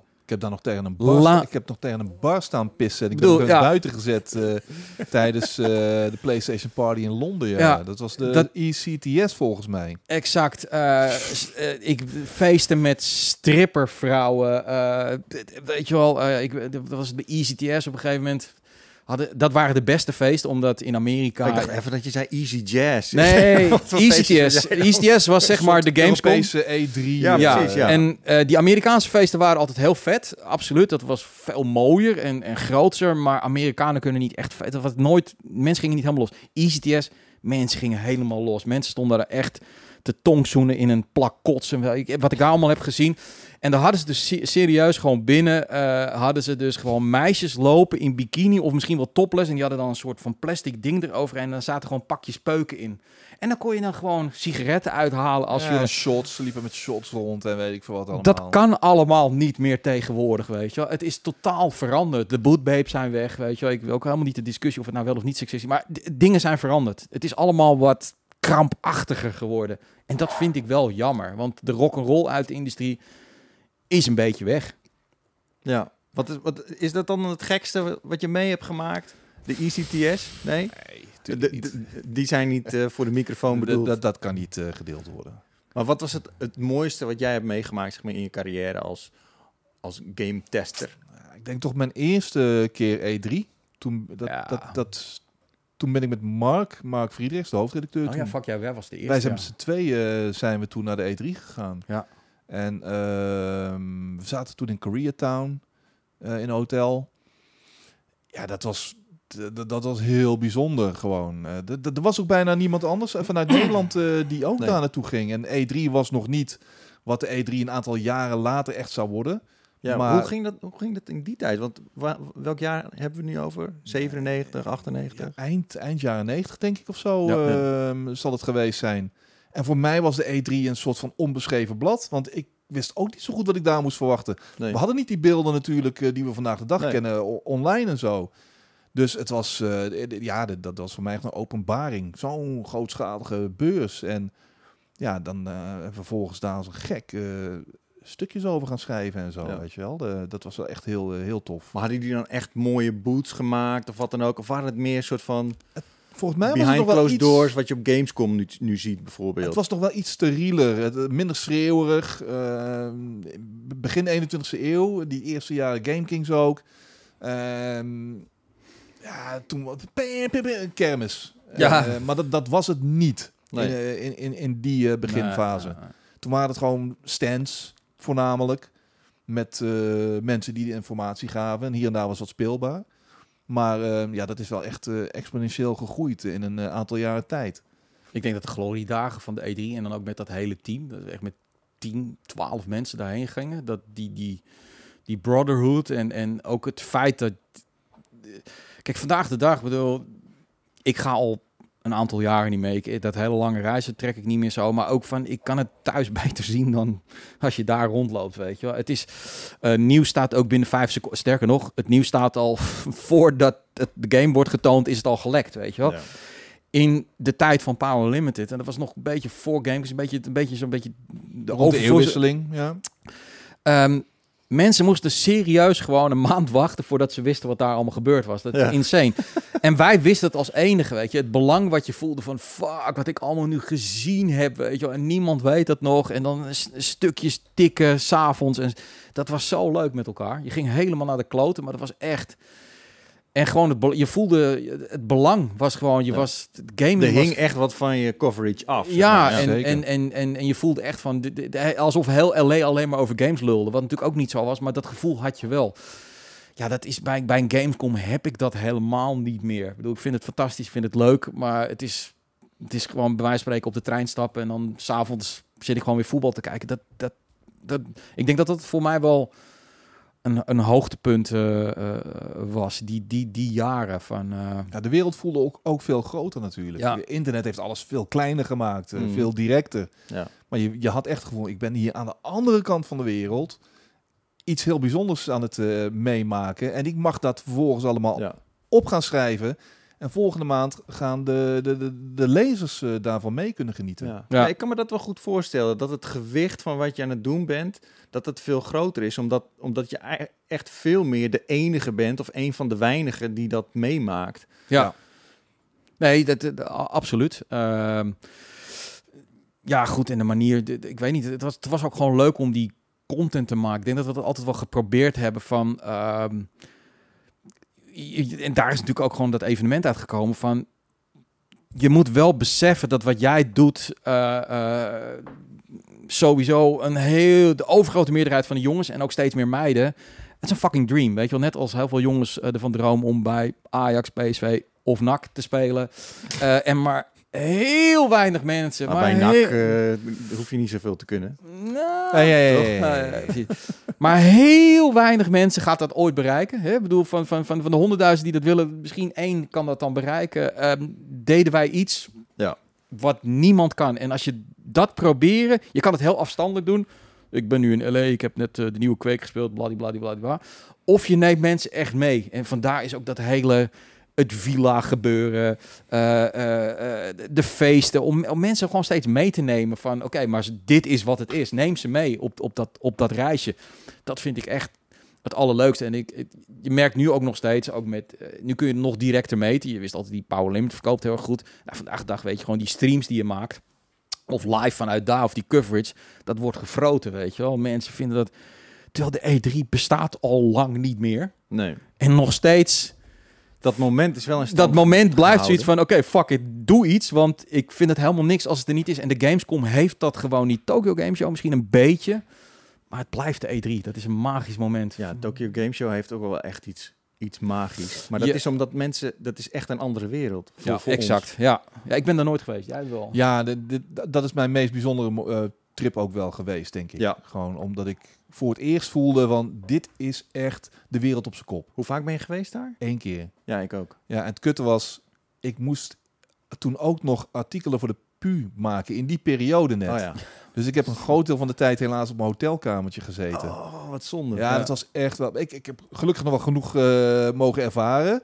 Maar ja, twee, drie korte artikeltjes moest ik ook schrijven. En het kwam er zo moeizaam uit. Want ik zat in fucking Tokio. Ja. Ah, moet ik ook nog die artikelen schrijven? Weet je wel, dat was heel kut.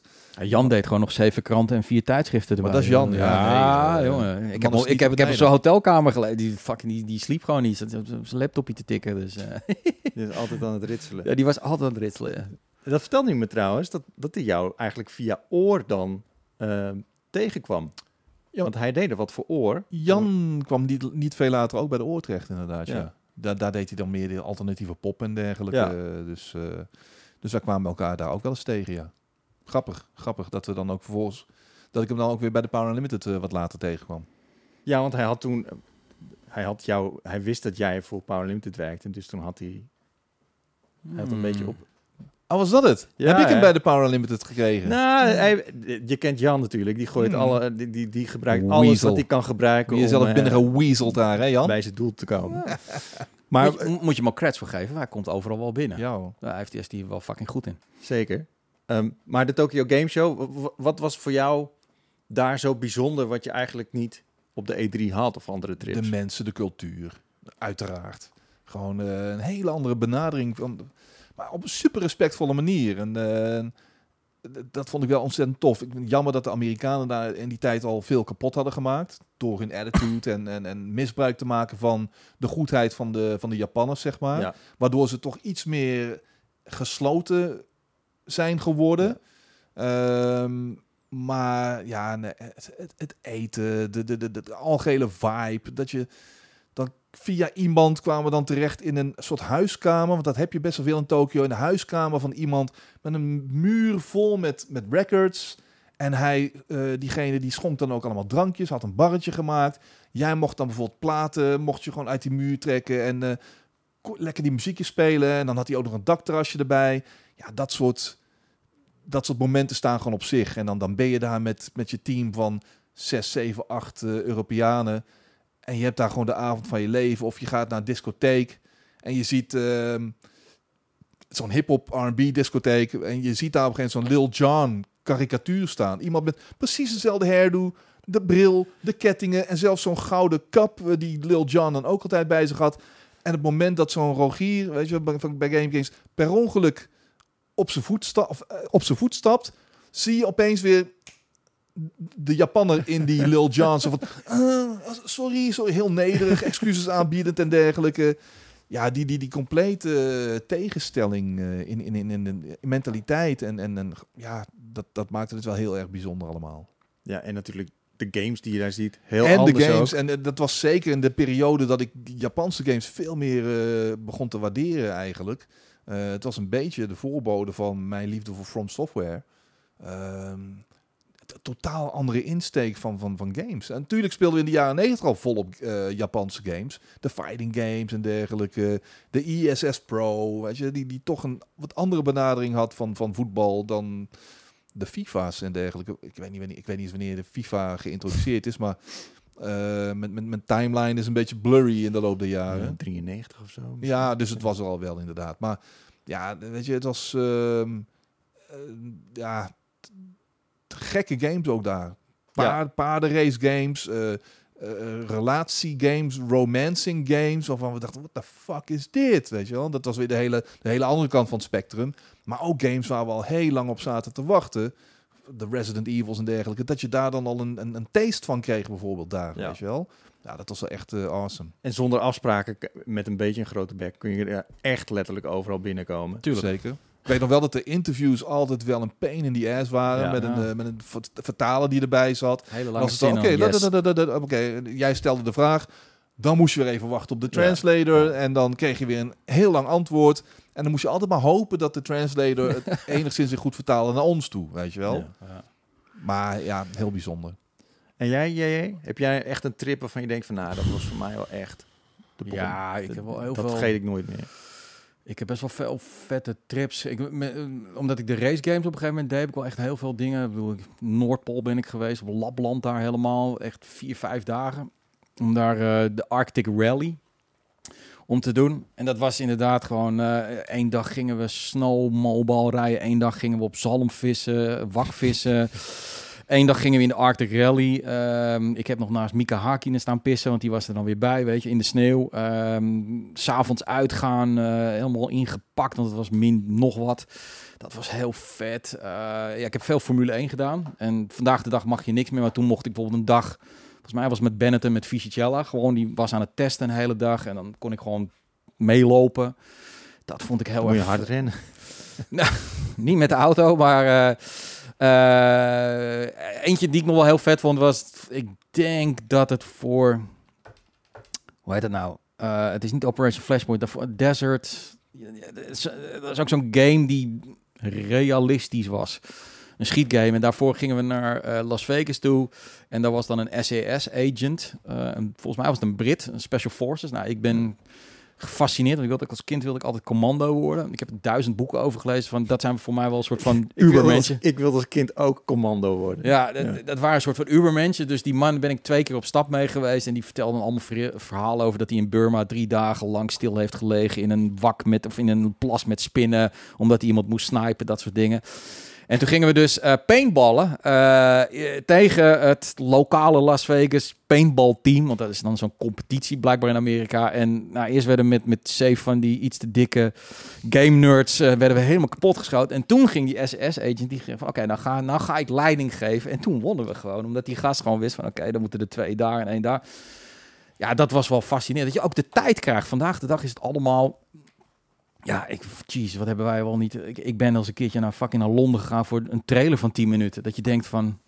Dude, ik zit fucking... Eerst moet ik om vijf uur opstaan. Dan, en dan, dan, dan al, altijd die fucking taxi in Londen, weet Ja. je wel. Ja, Terwijl je vroeg duurt aankwam... veel te lang, duurt ja. veel te lang. Moesten we daar twee uur gaan zitten in een van de vaag kantoor. Nou, alleen, en dan kreeg ik tien minuten trailer van doei. En dan werden we weer op Heathrow gezet. Ik denk van... Vandaag de dag kun je gelukkig nu ook gewoon games van afstand testen. Of eh, Ja. trailers kun je gewoon downloaden van een, een, een server.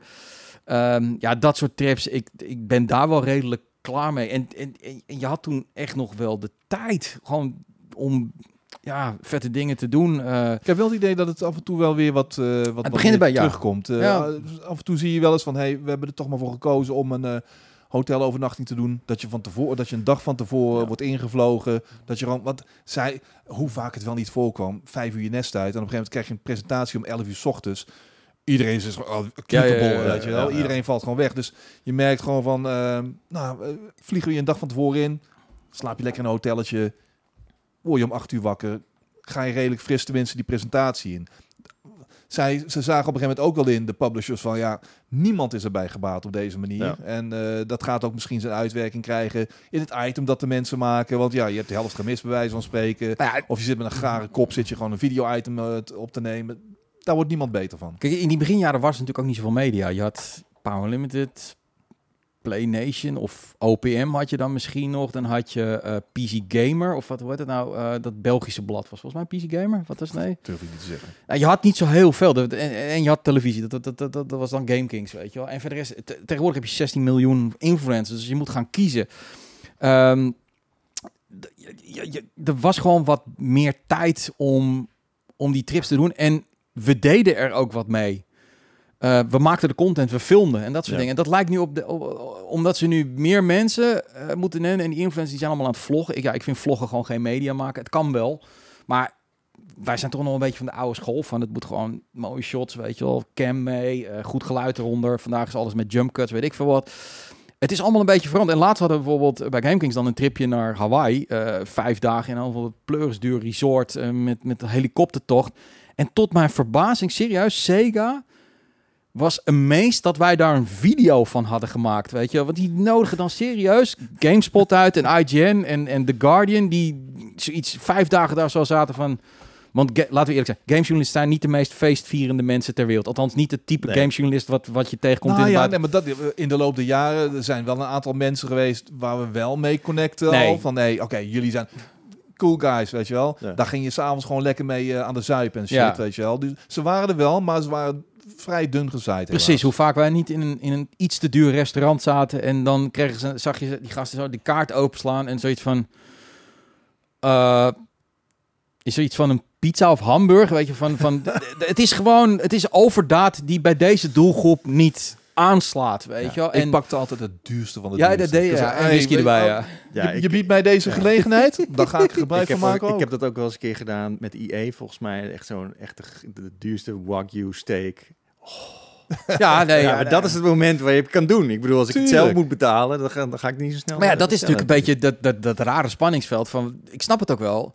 Want op het moment... eh, want ik heb me eens afgevraagd van waarom word ik op een trip... waar ik waarschijnlijk zo ongeveer 3,5 uur en 2 minuten op een hotelkamer verblijf... Misschien is dat wel een bepaalde PR-mensen. ja, nee, maar dat, ja, nee. Dat is die ene guy die altijd het duurste van de kaart bestelt. Altijd die exclusieve whiskies van die kaart besteld. Kloten. Nou, ik, Oh. ik, heb daar, ik heb daar wel eens wat over gehoord. Dat, dat mensen dat, dat, dat van, ach, ah, ja, dat was wel een beetje geprijzigd. Maar wat wilde ik nou eigenlijk zeggen? Eh, ja, nee, van, van, dan zit je in een fucking vijf sterren hotel met een kamer van 1500 pond per dag of dollar, terwijl ik er 3,5 uur lig. Ja. En ik vind een Ibis hotel in principe ook prima voor die 3,5 uur, weet je wel. Aan de andere kant, het is natuurlijk ook laten zien. Het gaat goed met mij, weet je. Mijn bedrijf Ja. loopt goed, weet je. Het is, en, en, en ik ben ook ooit eens een keer op voor Creo Interactive naar een trip geweest. En ik weet nog wel, dat was gewoon een jeugdhotel. En daar stonden allemaal stapelbedden. En ik, ik zag nog die gezichten van die gamesjournalisten van, oké. en nu? Ja, nee, hier moet je allemaal liggen. En ik heb ook één keer met een vreemde journalist een kamer moeten delen. En Oh, wat? dat Zo. was wel... Ik kende die jongen gelukkig wel. Het was een Belg van Official PlayStation Magazine, dus dat ging nog wel.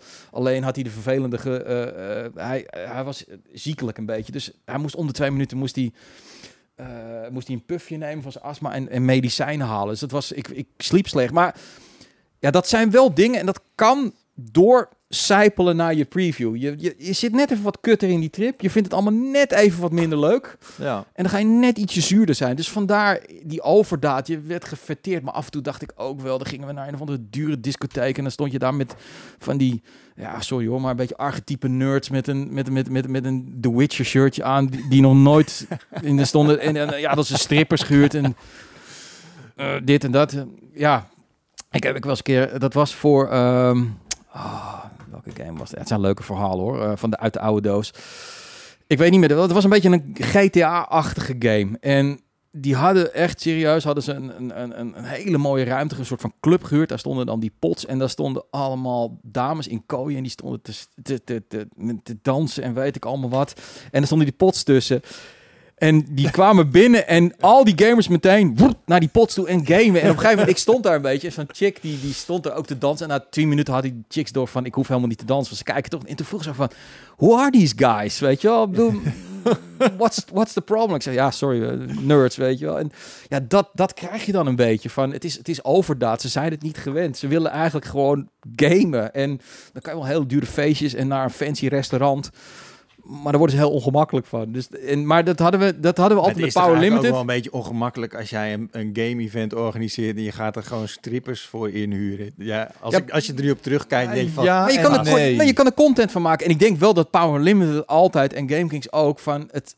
Wij houden ook van uitgaan. Dat, dat, dat type werd er wel een beetje op uitgezocht. Want er zijn zat jongens voorbij gekomen en ook meiden die graag bij Power Limited wilden komen. Of bij GameKings wilden komen. Waarvan in de Power Limited werd gezegd: nee, die is een beetje te nerdy. Weet je, dat is niet wat we zoeken. We te zoeken steriel. te steriel. We Ja, zoeken clean. mensen die Met een randje. ja, een beetje met een randje, een beetje, een beetje gek, weet je. Een Beetje beetje, maf, een eigenzinnig. beetje eigenzinnig. En, en, en die gewoon midden in het leven staan. Want dat is ook een beetje natuurlijk naar buiten toe een soort van waar je tegen opkijkt.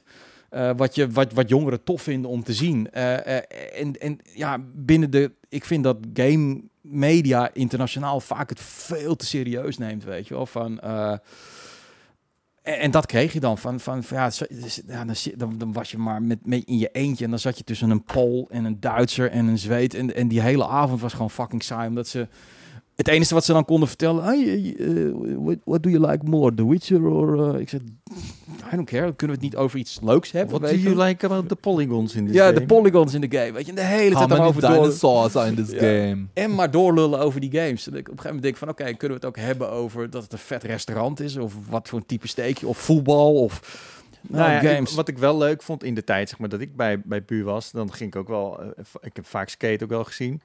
Weet je, dat we dan een aantal dagen ergens waren en dan konden we gewoon die game gewoon helemaal spelen. Maar dan had je ook wel gewoon een leuke club met gasten, weet je. exact. Ja. Ja. Met, eh, Julian van Tweakers of zo. Weet je. Iemand waar je gewoon prima een, biertje mee kunt drinken. Ja. En dat, dat waren voor mij wel echt de leukste trip. Om- Omdat je gewoon echt even de tijd kunt nemen om die game te spelen. Je wordt niet voor 10 minuten gameplay ergens heen eh, gesleept. Zeker. En daarnaast word je gewoon, heb je gewoon een goede tijd. Weet Ja. je?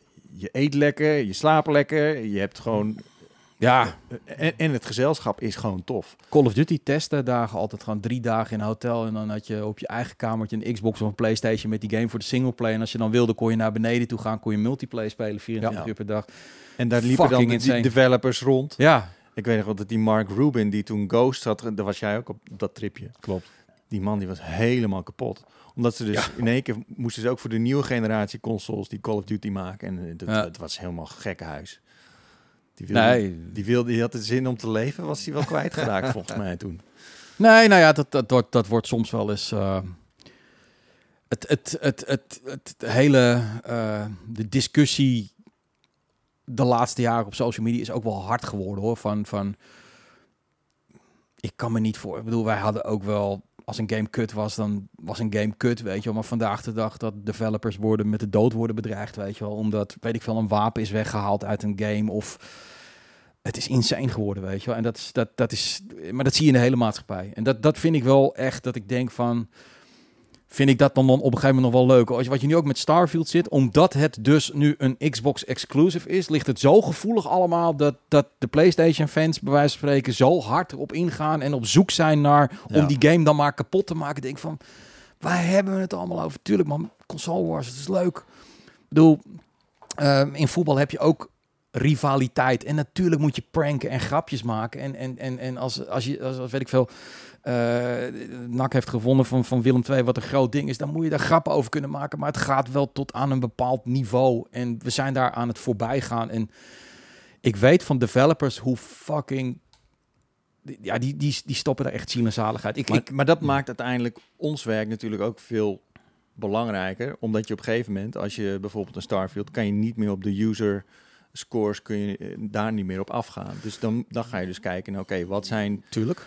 de pu- publicaties, wat zijn de, de merken die ik vertrouw daarin? Nou, hoe, als, ik, als ik die, jou die vraag mag stellen, hoe houdbaar is dat nog, denk je?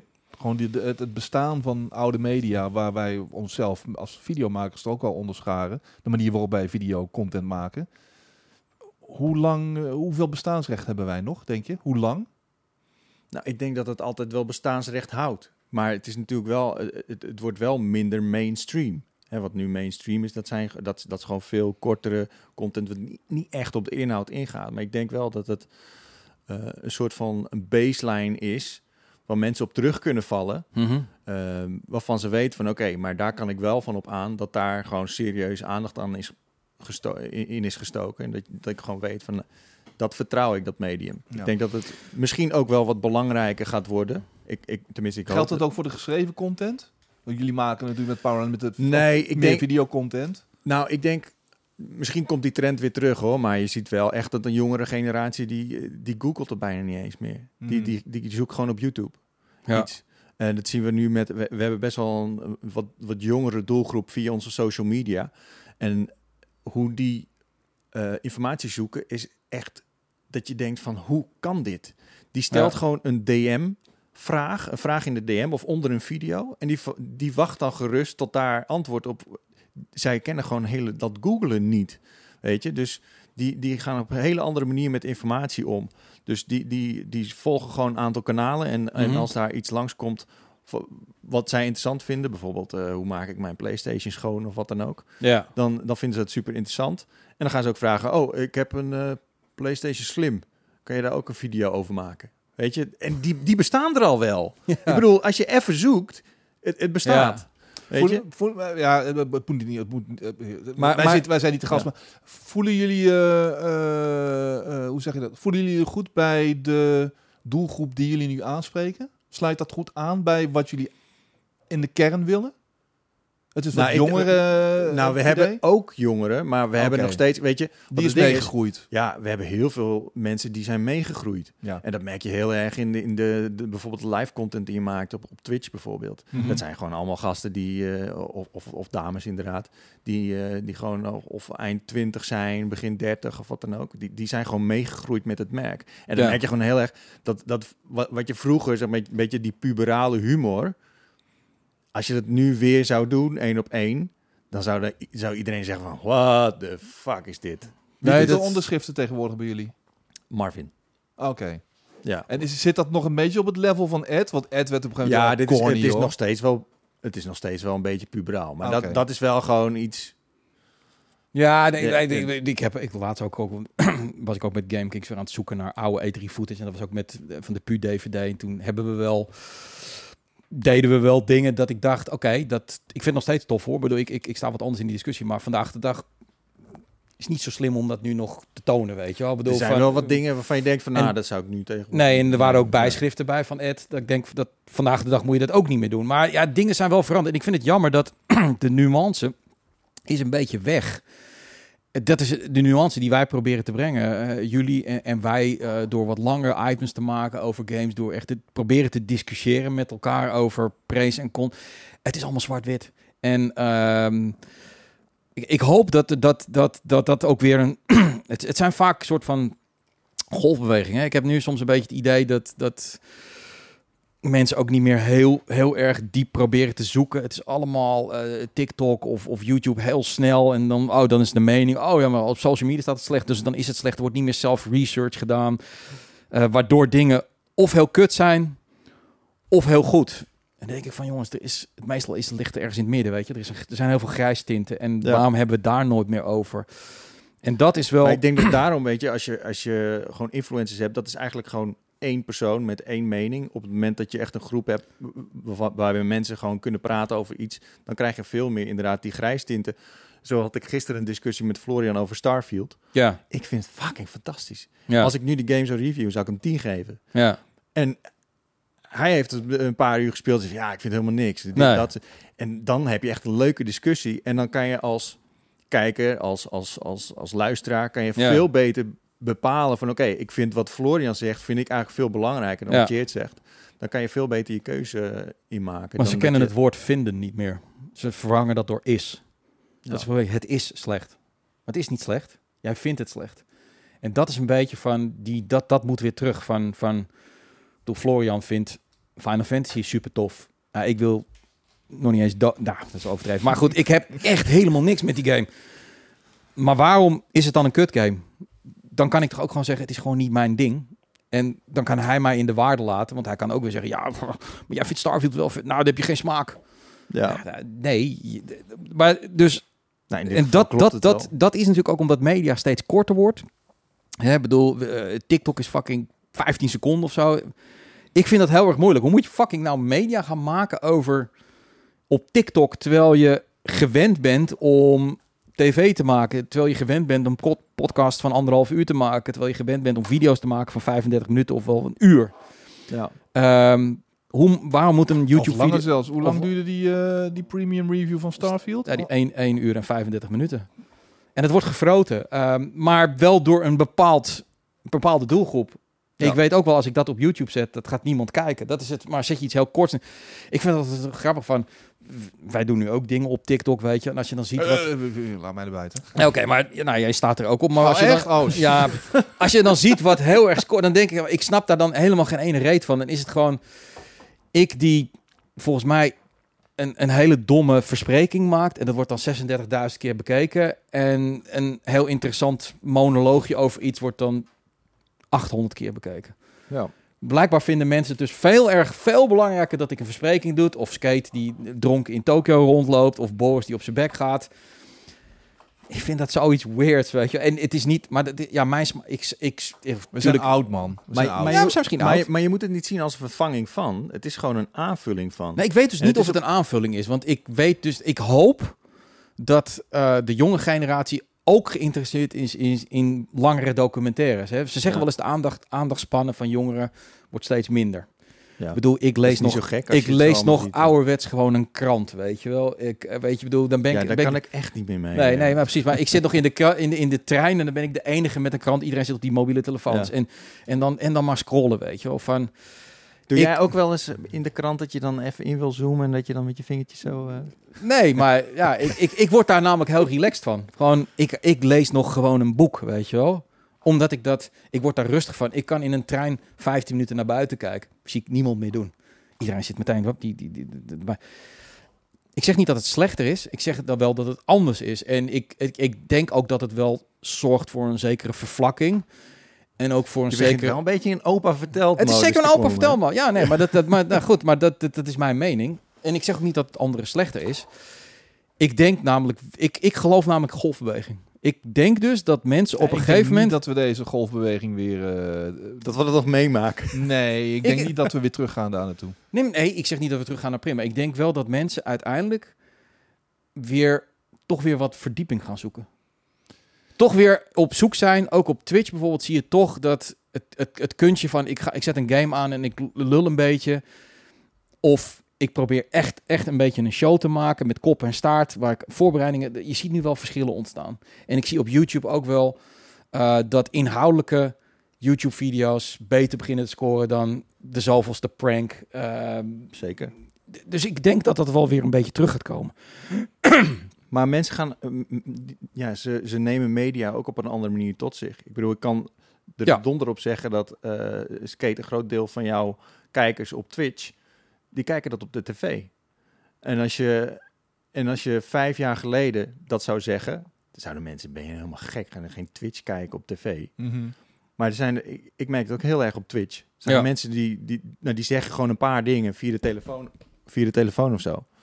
Maar die, die zitten gewoon op de bank naar Nee. de stream te kijken. En Het, dat, he- het heeft natuurlijk ook een hele hoop geholpen hoor. Ik bedoel, het feit dat, dat je op mobiele, een mobiele telefoon eh, dingen kunt kijken en dat soort dingen, dat, dat, is, dat is een zegen. ja. Absoluut. En begrijp me niet verkeerd, ik vind het feit dat iedereen nu tv kan maken op YouTube of Twitch of wat dan ook, vind ik fantastisch. Ik zeg altijd wel, het wil niet zeggen dat iedereen het ook kan. Want ik vind wel goede content maken is gewoon echt, het is niet makkelijk. En ik vind ook zeker, ehm, wat ik moeilijker vind aan Twitch en YouTube, is gewoon waar zit die goede content? Het is zo ontzettend veel. En dan heb je het algoritme, maar dat snap ik soms ook helemaal geen ene reet van, want dan heb ik opeens alleen maar filmpjes over daarover, terwijl ik denk van ik heb daar nooit op gezocht. Maar goed, het zal wel iets zijn. Ehm, Ja, Dat is gewoon je vriendin op eh, jouw account eh, geweest. mijn vriendin is op mijn account geweest, inderdaad. Ehm, en dat zie je op een gegeven moment op Twitch ook. Van, er is zo ontzettend veel. Hoe weet ik wat leuk is en wat bij mij past? En dat is op televisie. Ik zie dat weer een beetje teruggaan, toch weer naar televisieachtige format, waar, waar voor jou een selectie wordt gemaakt wat goed is. Ik denk dat, dat, we daar weer een beetje teruggaan. Eh, eh, nou, ik denk ook wel dat het ook eh, iets te maken heeft met generaties natuurlijk. Maar Ja. ik, ik vergelijk het altijd ook een beetje met ehm, eh, voetbalmedia bijvoorbeeld. Ik volg heel erg veel voetbal. Ik vind Ja. dat, Ja, dat is ook. echt een, Ik volg het altijd op een of andere manier. Ja. Het, het interesseert me altijd. Maar ik vind het ook interessant om te kijken hoe dat zich ontwikkelt. En dat heeft ook wel wat, wat raakvlakken met, met, met gaming tegenwoordig. mhm. Ehm, en daar zijn steeds meer diepgaandere artikelen over te vinden. Ja, Achter een betaalmuur ook. eh, waar gewoon echt wat meer, ja, wat meer effort in wordt gestoken. En wat echt super interessant is, bijvoorbeeld bij Football International. mhm. En ik betaal dat graag, ja. gewoon een paar euro per maand, om dat te lezen. Maar Want dat, dat, dat is de wel, rest kan ik allemaal overal vinden. maar dat is wel de spijker op de kop, hè? Van alles is op een gegeven moment moest gratis worden. Dat is, het, dat is zo moeilijk voor media. Van aan de ene kant sponsoring en, en campagnes lopen steeds meer terug. Aan de andere kant moest media gratis worden. Ik bedoel, een, wij hebben bij GameKings de premium service. Dat, dat heeft best wel even. Dat was best wel lastig omdat. Daar is in het begin ook door andere media heel lacherig over gedaan. Ja. kijk ze nou eens baggen voor eh, wat centen van de kijkers, weet je wel. Maar het is wel waar uiteindelijk, daar kun je op bouwen. Ehm, maar daar moet je wel iets voor leveren. En kijk, bedoel, als ik over voetbal ik vind het goed, want ik volg het ook allemaal. Op een gegeven moment vond ik het wel tof, weet je, dat je al die voetbalzone, weet je, al die websites met die nieuws, weet je. Maar ze jatten het allemaal van elkaar. Waarom? Omdat daar zitten gewoon eh, tien hele jonge gasten zitten op zo'n kantoor voor heel weinig geld te werken en die doen niks anders dan gewoon jatten van elkaar, weet je wel. De verdieping is nul. Je ziet overal hetzelfde. En het lijkt, ik vind het ook nog schofterig ook. Want er zijn van die gasten van de VI of van, van eh, ik ben PSV, dus ik volg Rick Elfrink, weet je. Die is dan Ja. ehm, de voetbal, de, de PSV-watcher. En zijn, alles wat hij zegt wordt dan Hoe- weer hoe gejat. nou PSV volgen, man? Ja, dat weet ik. De Ernie Brands, dat was mijn held eh, vroeger. eh, dus sindsdien. Maar in ieder geval die Zo gast. kleurrijk ook. Zo kleurrijk, Early Brand. Ja, eh, die, nak, oh, nak nog naar en Jan, van, en, Jan, en, Jan, ge- Jan, en Jan geholpen. van Beveren. Mm. Fantastische keeper. Ik was Ja, een keepertje in het. Wat? Eh, Bedoel je niet Ernie Stewart? Nee, Ernie Brands is ook Ernie trainer Brands. geweest bij NAC. Oh. Ja, nee. Die is toen vierde geworden of derde met heel saai voetbal. oh, die is toen ontslagen, toch? Eh, toen hij het best wel goed had gedaan. Ja. Ja. Ja, maar het sloot gewoon niet zo aan bij, de- bij het NAC-DNA. Maar in ieder geval, dat soort werk wat je nu ook bij de VI ziet, die verhalen, dat kost tijd. Ja. En tijd is geld. En dat geld is er dus eigenlijk niet meer voor research. Bij kranten, overal, al die, dat wordt... Bedoel, toen ik bij de krant werkte, en dat is echt fucking 30 jaar geleden, had je gewoon serieus gewoon 10, 12 gasten die één artikel per maand schreven. Die hadden er de tijd voor. Kan niet meer. Je moet nu vijf artikelen per dag schrijven, weet je. En dus krijg je allemaal van die voetbalzones en dat soort dingen, van die kleine dingetjes.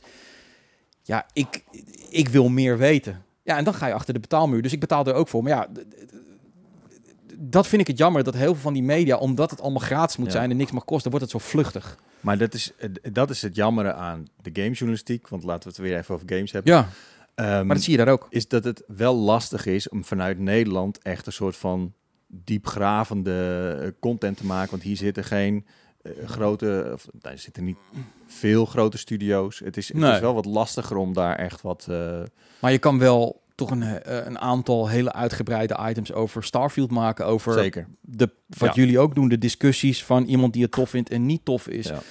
Ehm, dat, dat vind ik verdieping. Maar dat, dat ja, er er is een groep mensen die nog wel leuk vindt om een uur naar een item te luisteren. Want kijken doen ze vaak niet. Ze luisteren daarna, ze zetten hem gewoon aan en zijn aan het werk. Ja.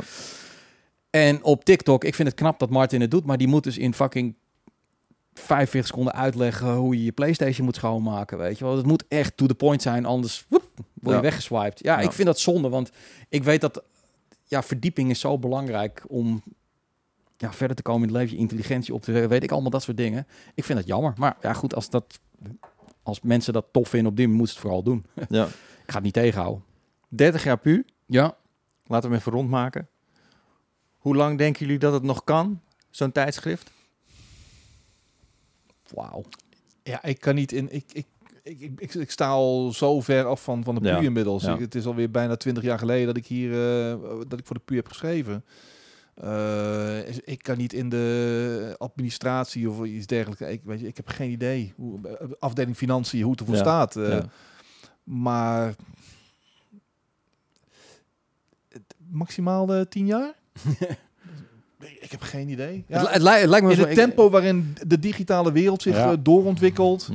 Mm, denk ik dat je in je handjes mag wrijven als je de 10 jaar nog aantikt. eh, dat je naar de 40 jaar gaat.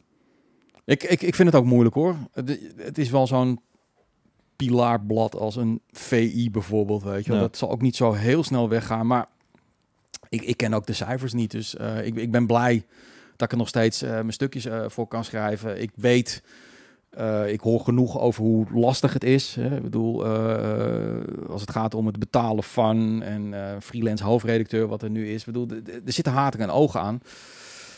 Het jammere vind ik gewoon altijd van ja, jij en ik hebben er geen zeggenschap over. Dat, Nee. wordt, dat wordt nou ja, niet dan boven, want die zit geen boven, maar dat wordt dan daar beslist. En ehm, ja, dat, dat, I don't Ja. know man. Ik, ik hoop dat het nog een tijdje is, maar Het liefst heb ik natuurlijk dat je de, de 50 jaar aantikt. Ja. dat, Nou, dat dat, zou zou mooi rondmaken zijn. natuurlijk. Dan zien we elkaar over 20 jaar weer. precies. Nou, ja, ik weet niet of ik dan nog... eh, ja, als het aan mij ligt, zit ik tot Ja, mijn dood in deze wereld. wel, Zolang joh. mijn mijn handen het nog doen en eh, mijn, hand, mijn, mijn oog... eh dingen Hand-oogcoördinatie. hand-oogcoördinatie nog enigszins Ja. functioneel is. Zolang je nog wat je woorden blijft komen. Ja, dat wordt af en toe ook wel steeds moeilijker. Maar dat Dan worden, dan worden we gewoon met zo'n busje opgehaald bij het station. Met zo'n zo'n oude mensenbusje, dan met een rollatortje komen hier binnen. nou ja, of je doet tegenwoordig, of je doet tegen die tijd alles vanuit huis gewoon. 20 jaar, dan ben ik 75. Jesus. Nou, nou, het zou wel tof zijn. Ik wil het nog wel meemaken. 75, holy Nou ja, shit. 74. Dan ben Ja, ik ik heb geen 54. pensioen bij elkaar gewerkt. Ik als ook niet, nee. freelancer, Wij moeten eh, doorgaan, hè? Weet je wel, dus eh, ik moet gewoon eh, tot de dood hoor. Maar dat doe ik met veel plezier. Tot de dood Dark Souls spelen. Fucking ja man, ja. Bloodborne ik, ik 4. merk nu al wel van, oké, ik ben ook inmiddels, inmiddels de 50 gepasseerd. Het gaat niet meer zo makkelijk als eh 20 jaar geleden hoor. Eh, Maar ja, ik, ik blijf het al heerlijk vinden. Die, gewoon die struggle. Gewoon die struggle en uiteindelijk toch gewoon naar die honderdste keer die baas. Je, blijft zo'n, je, je begint zo'n oude libero te worden die het allemaal op ervaring doet en inzicht. Ja, maar wel een libero grande. Ja. Om het dan toch even bij de games te houden.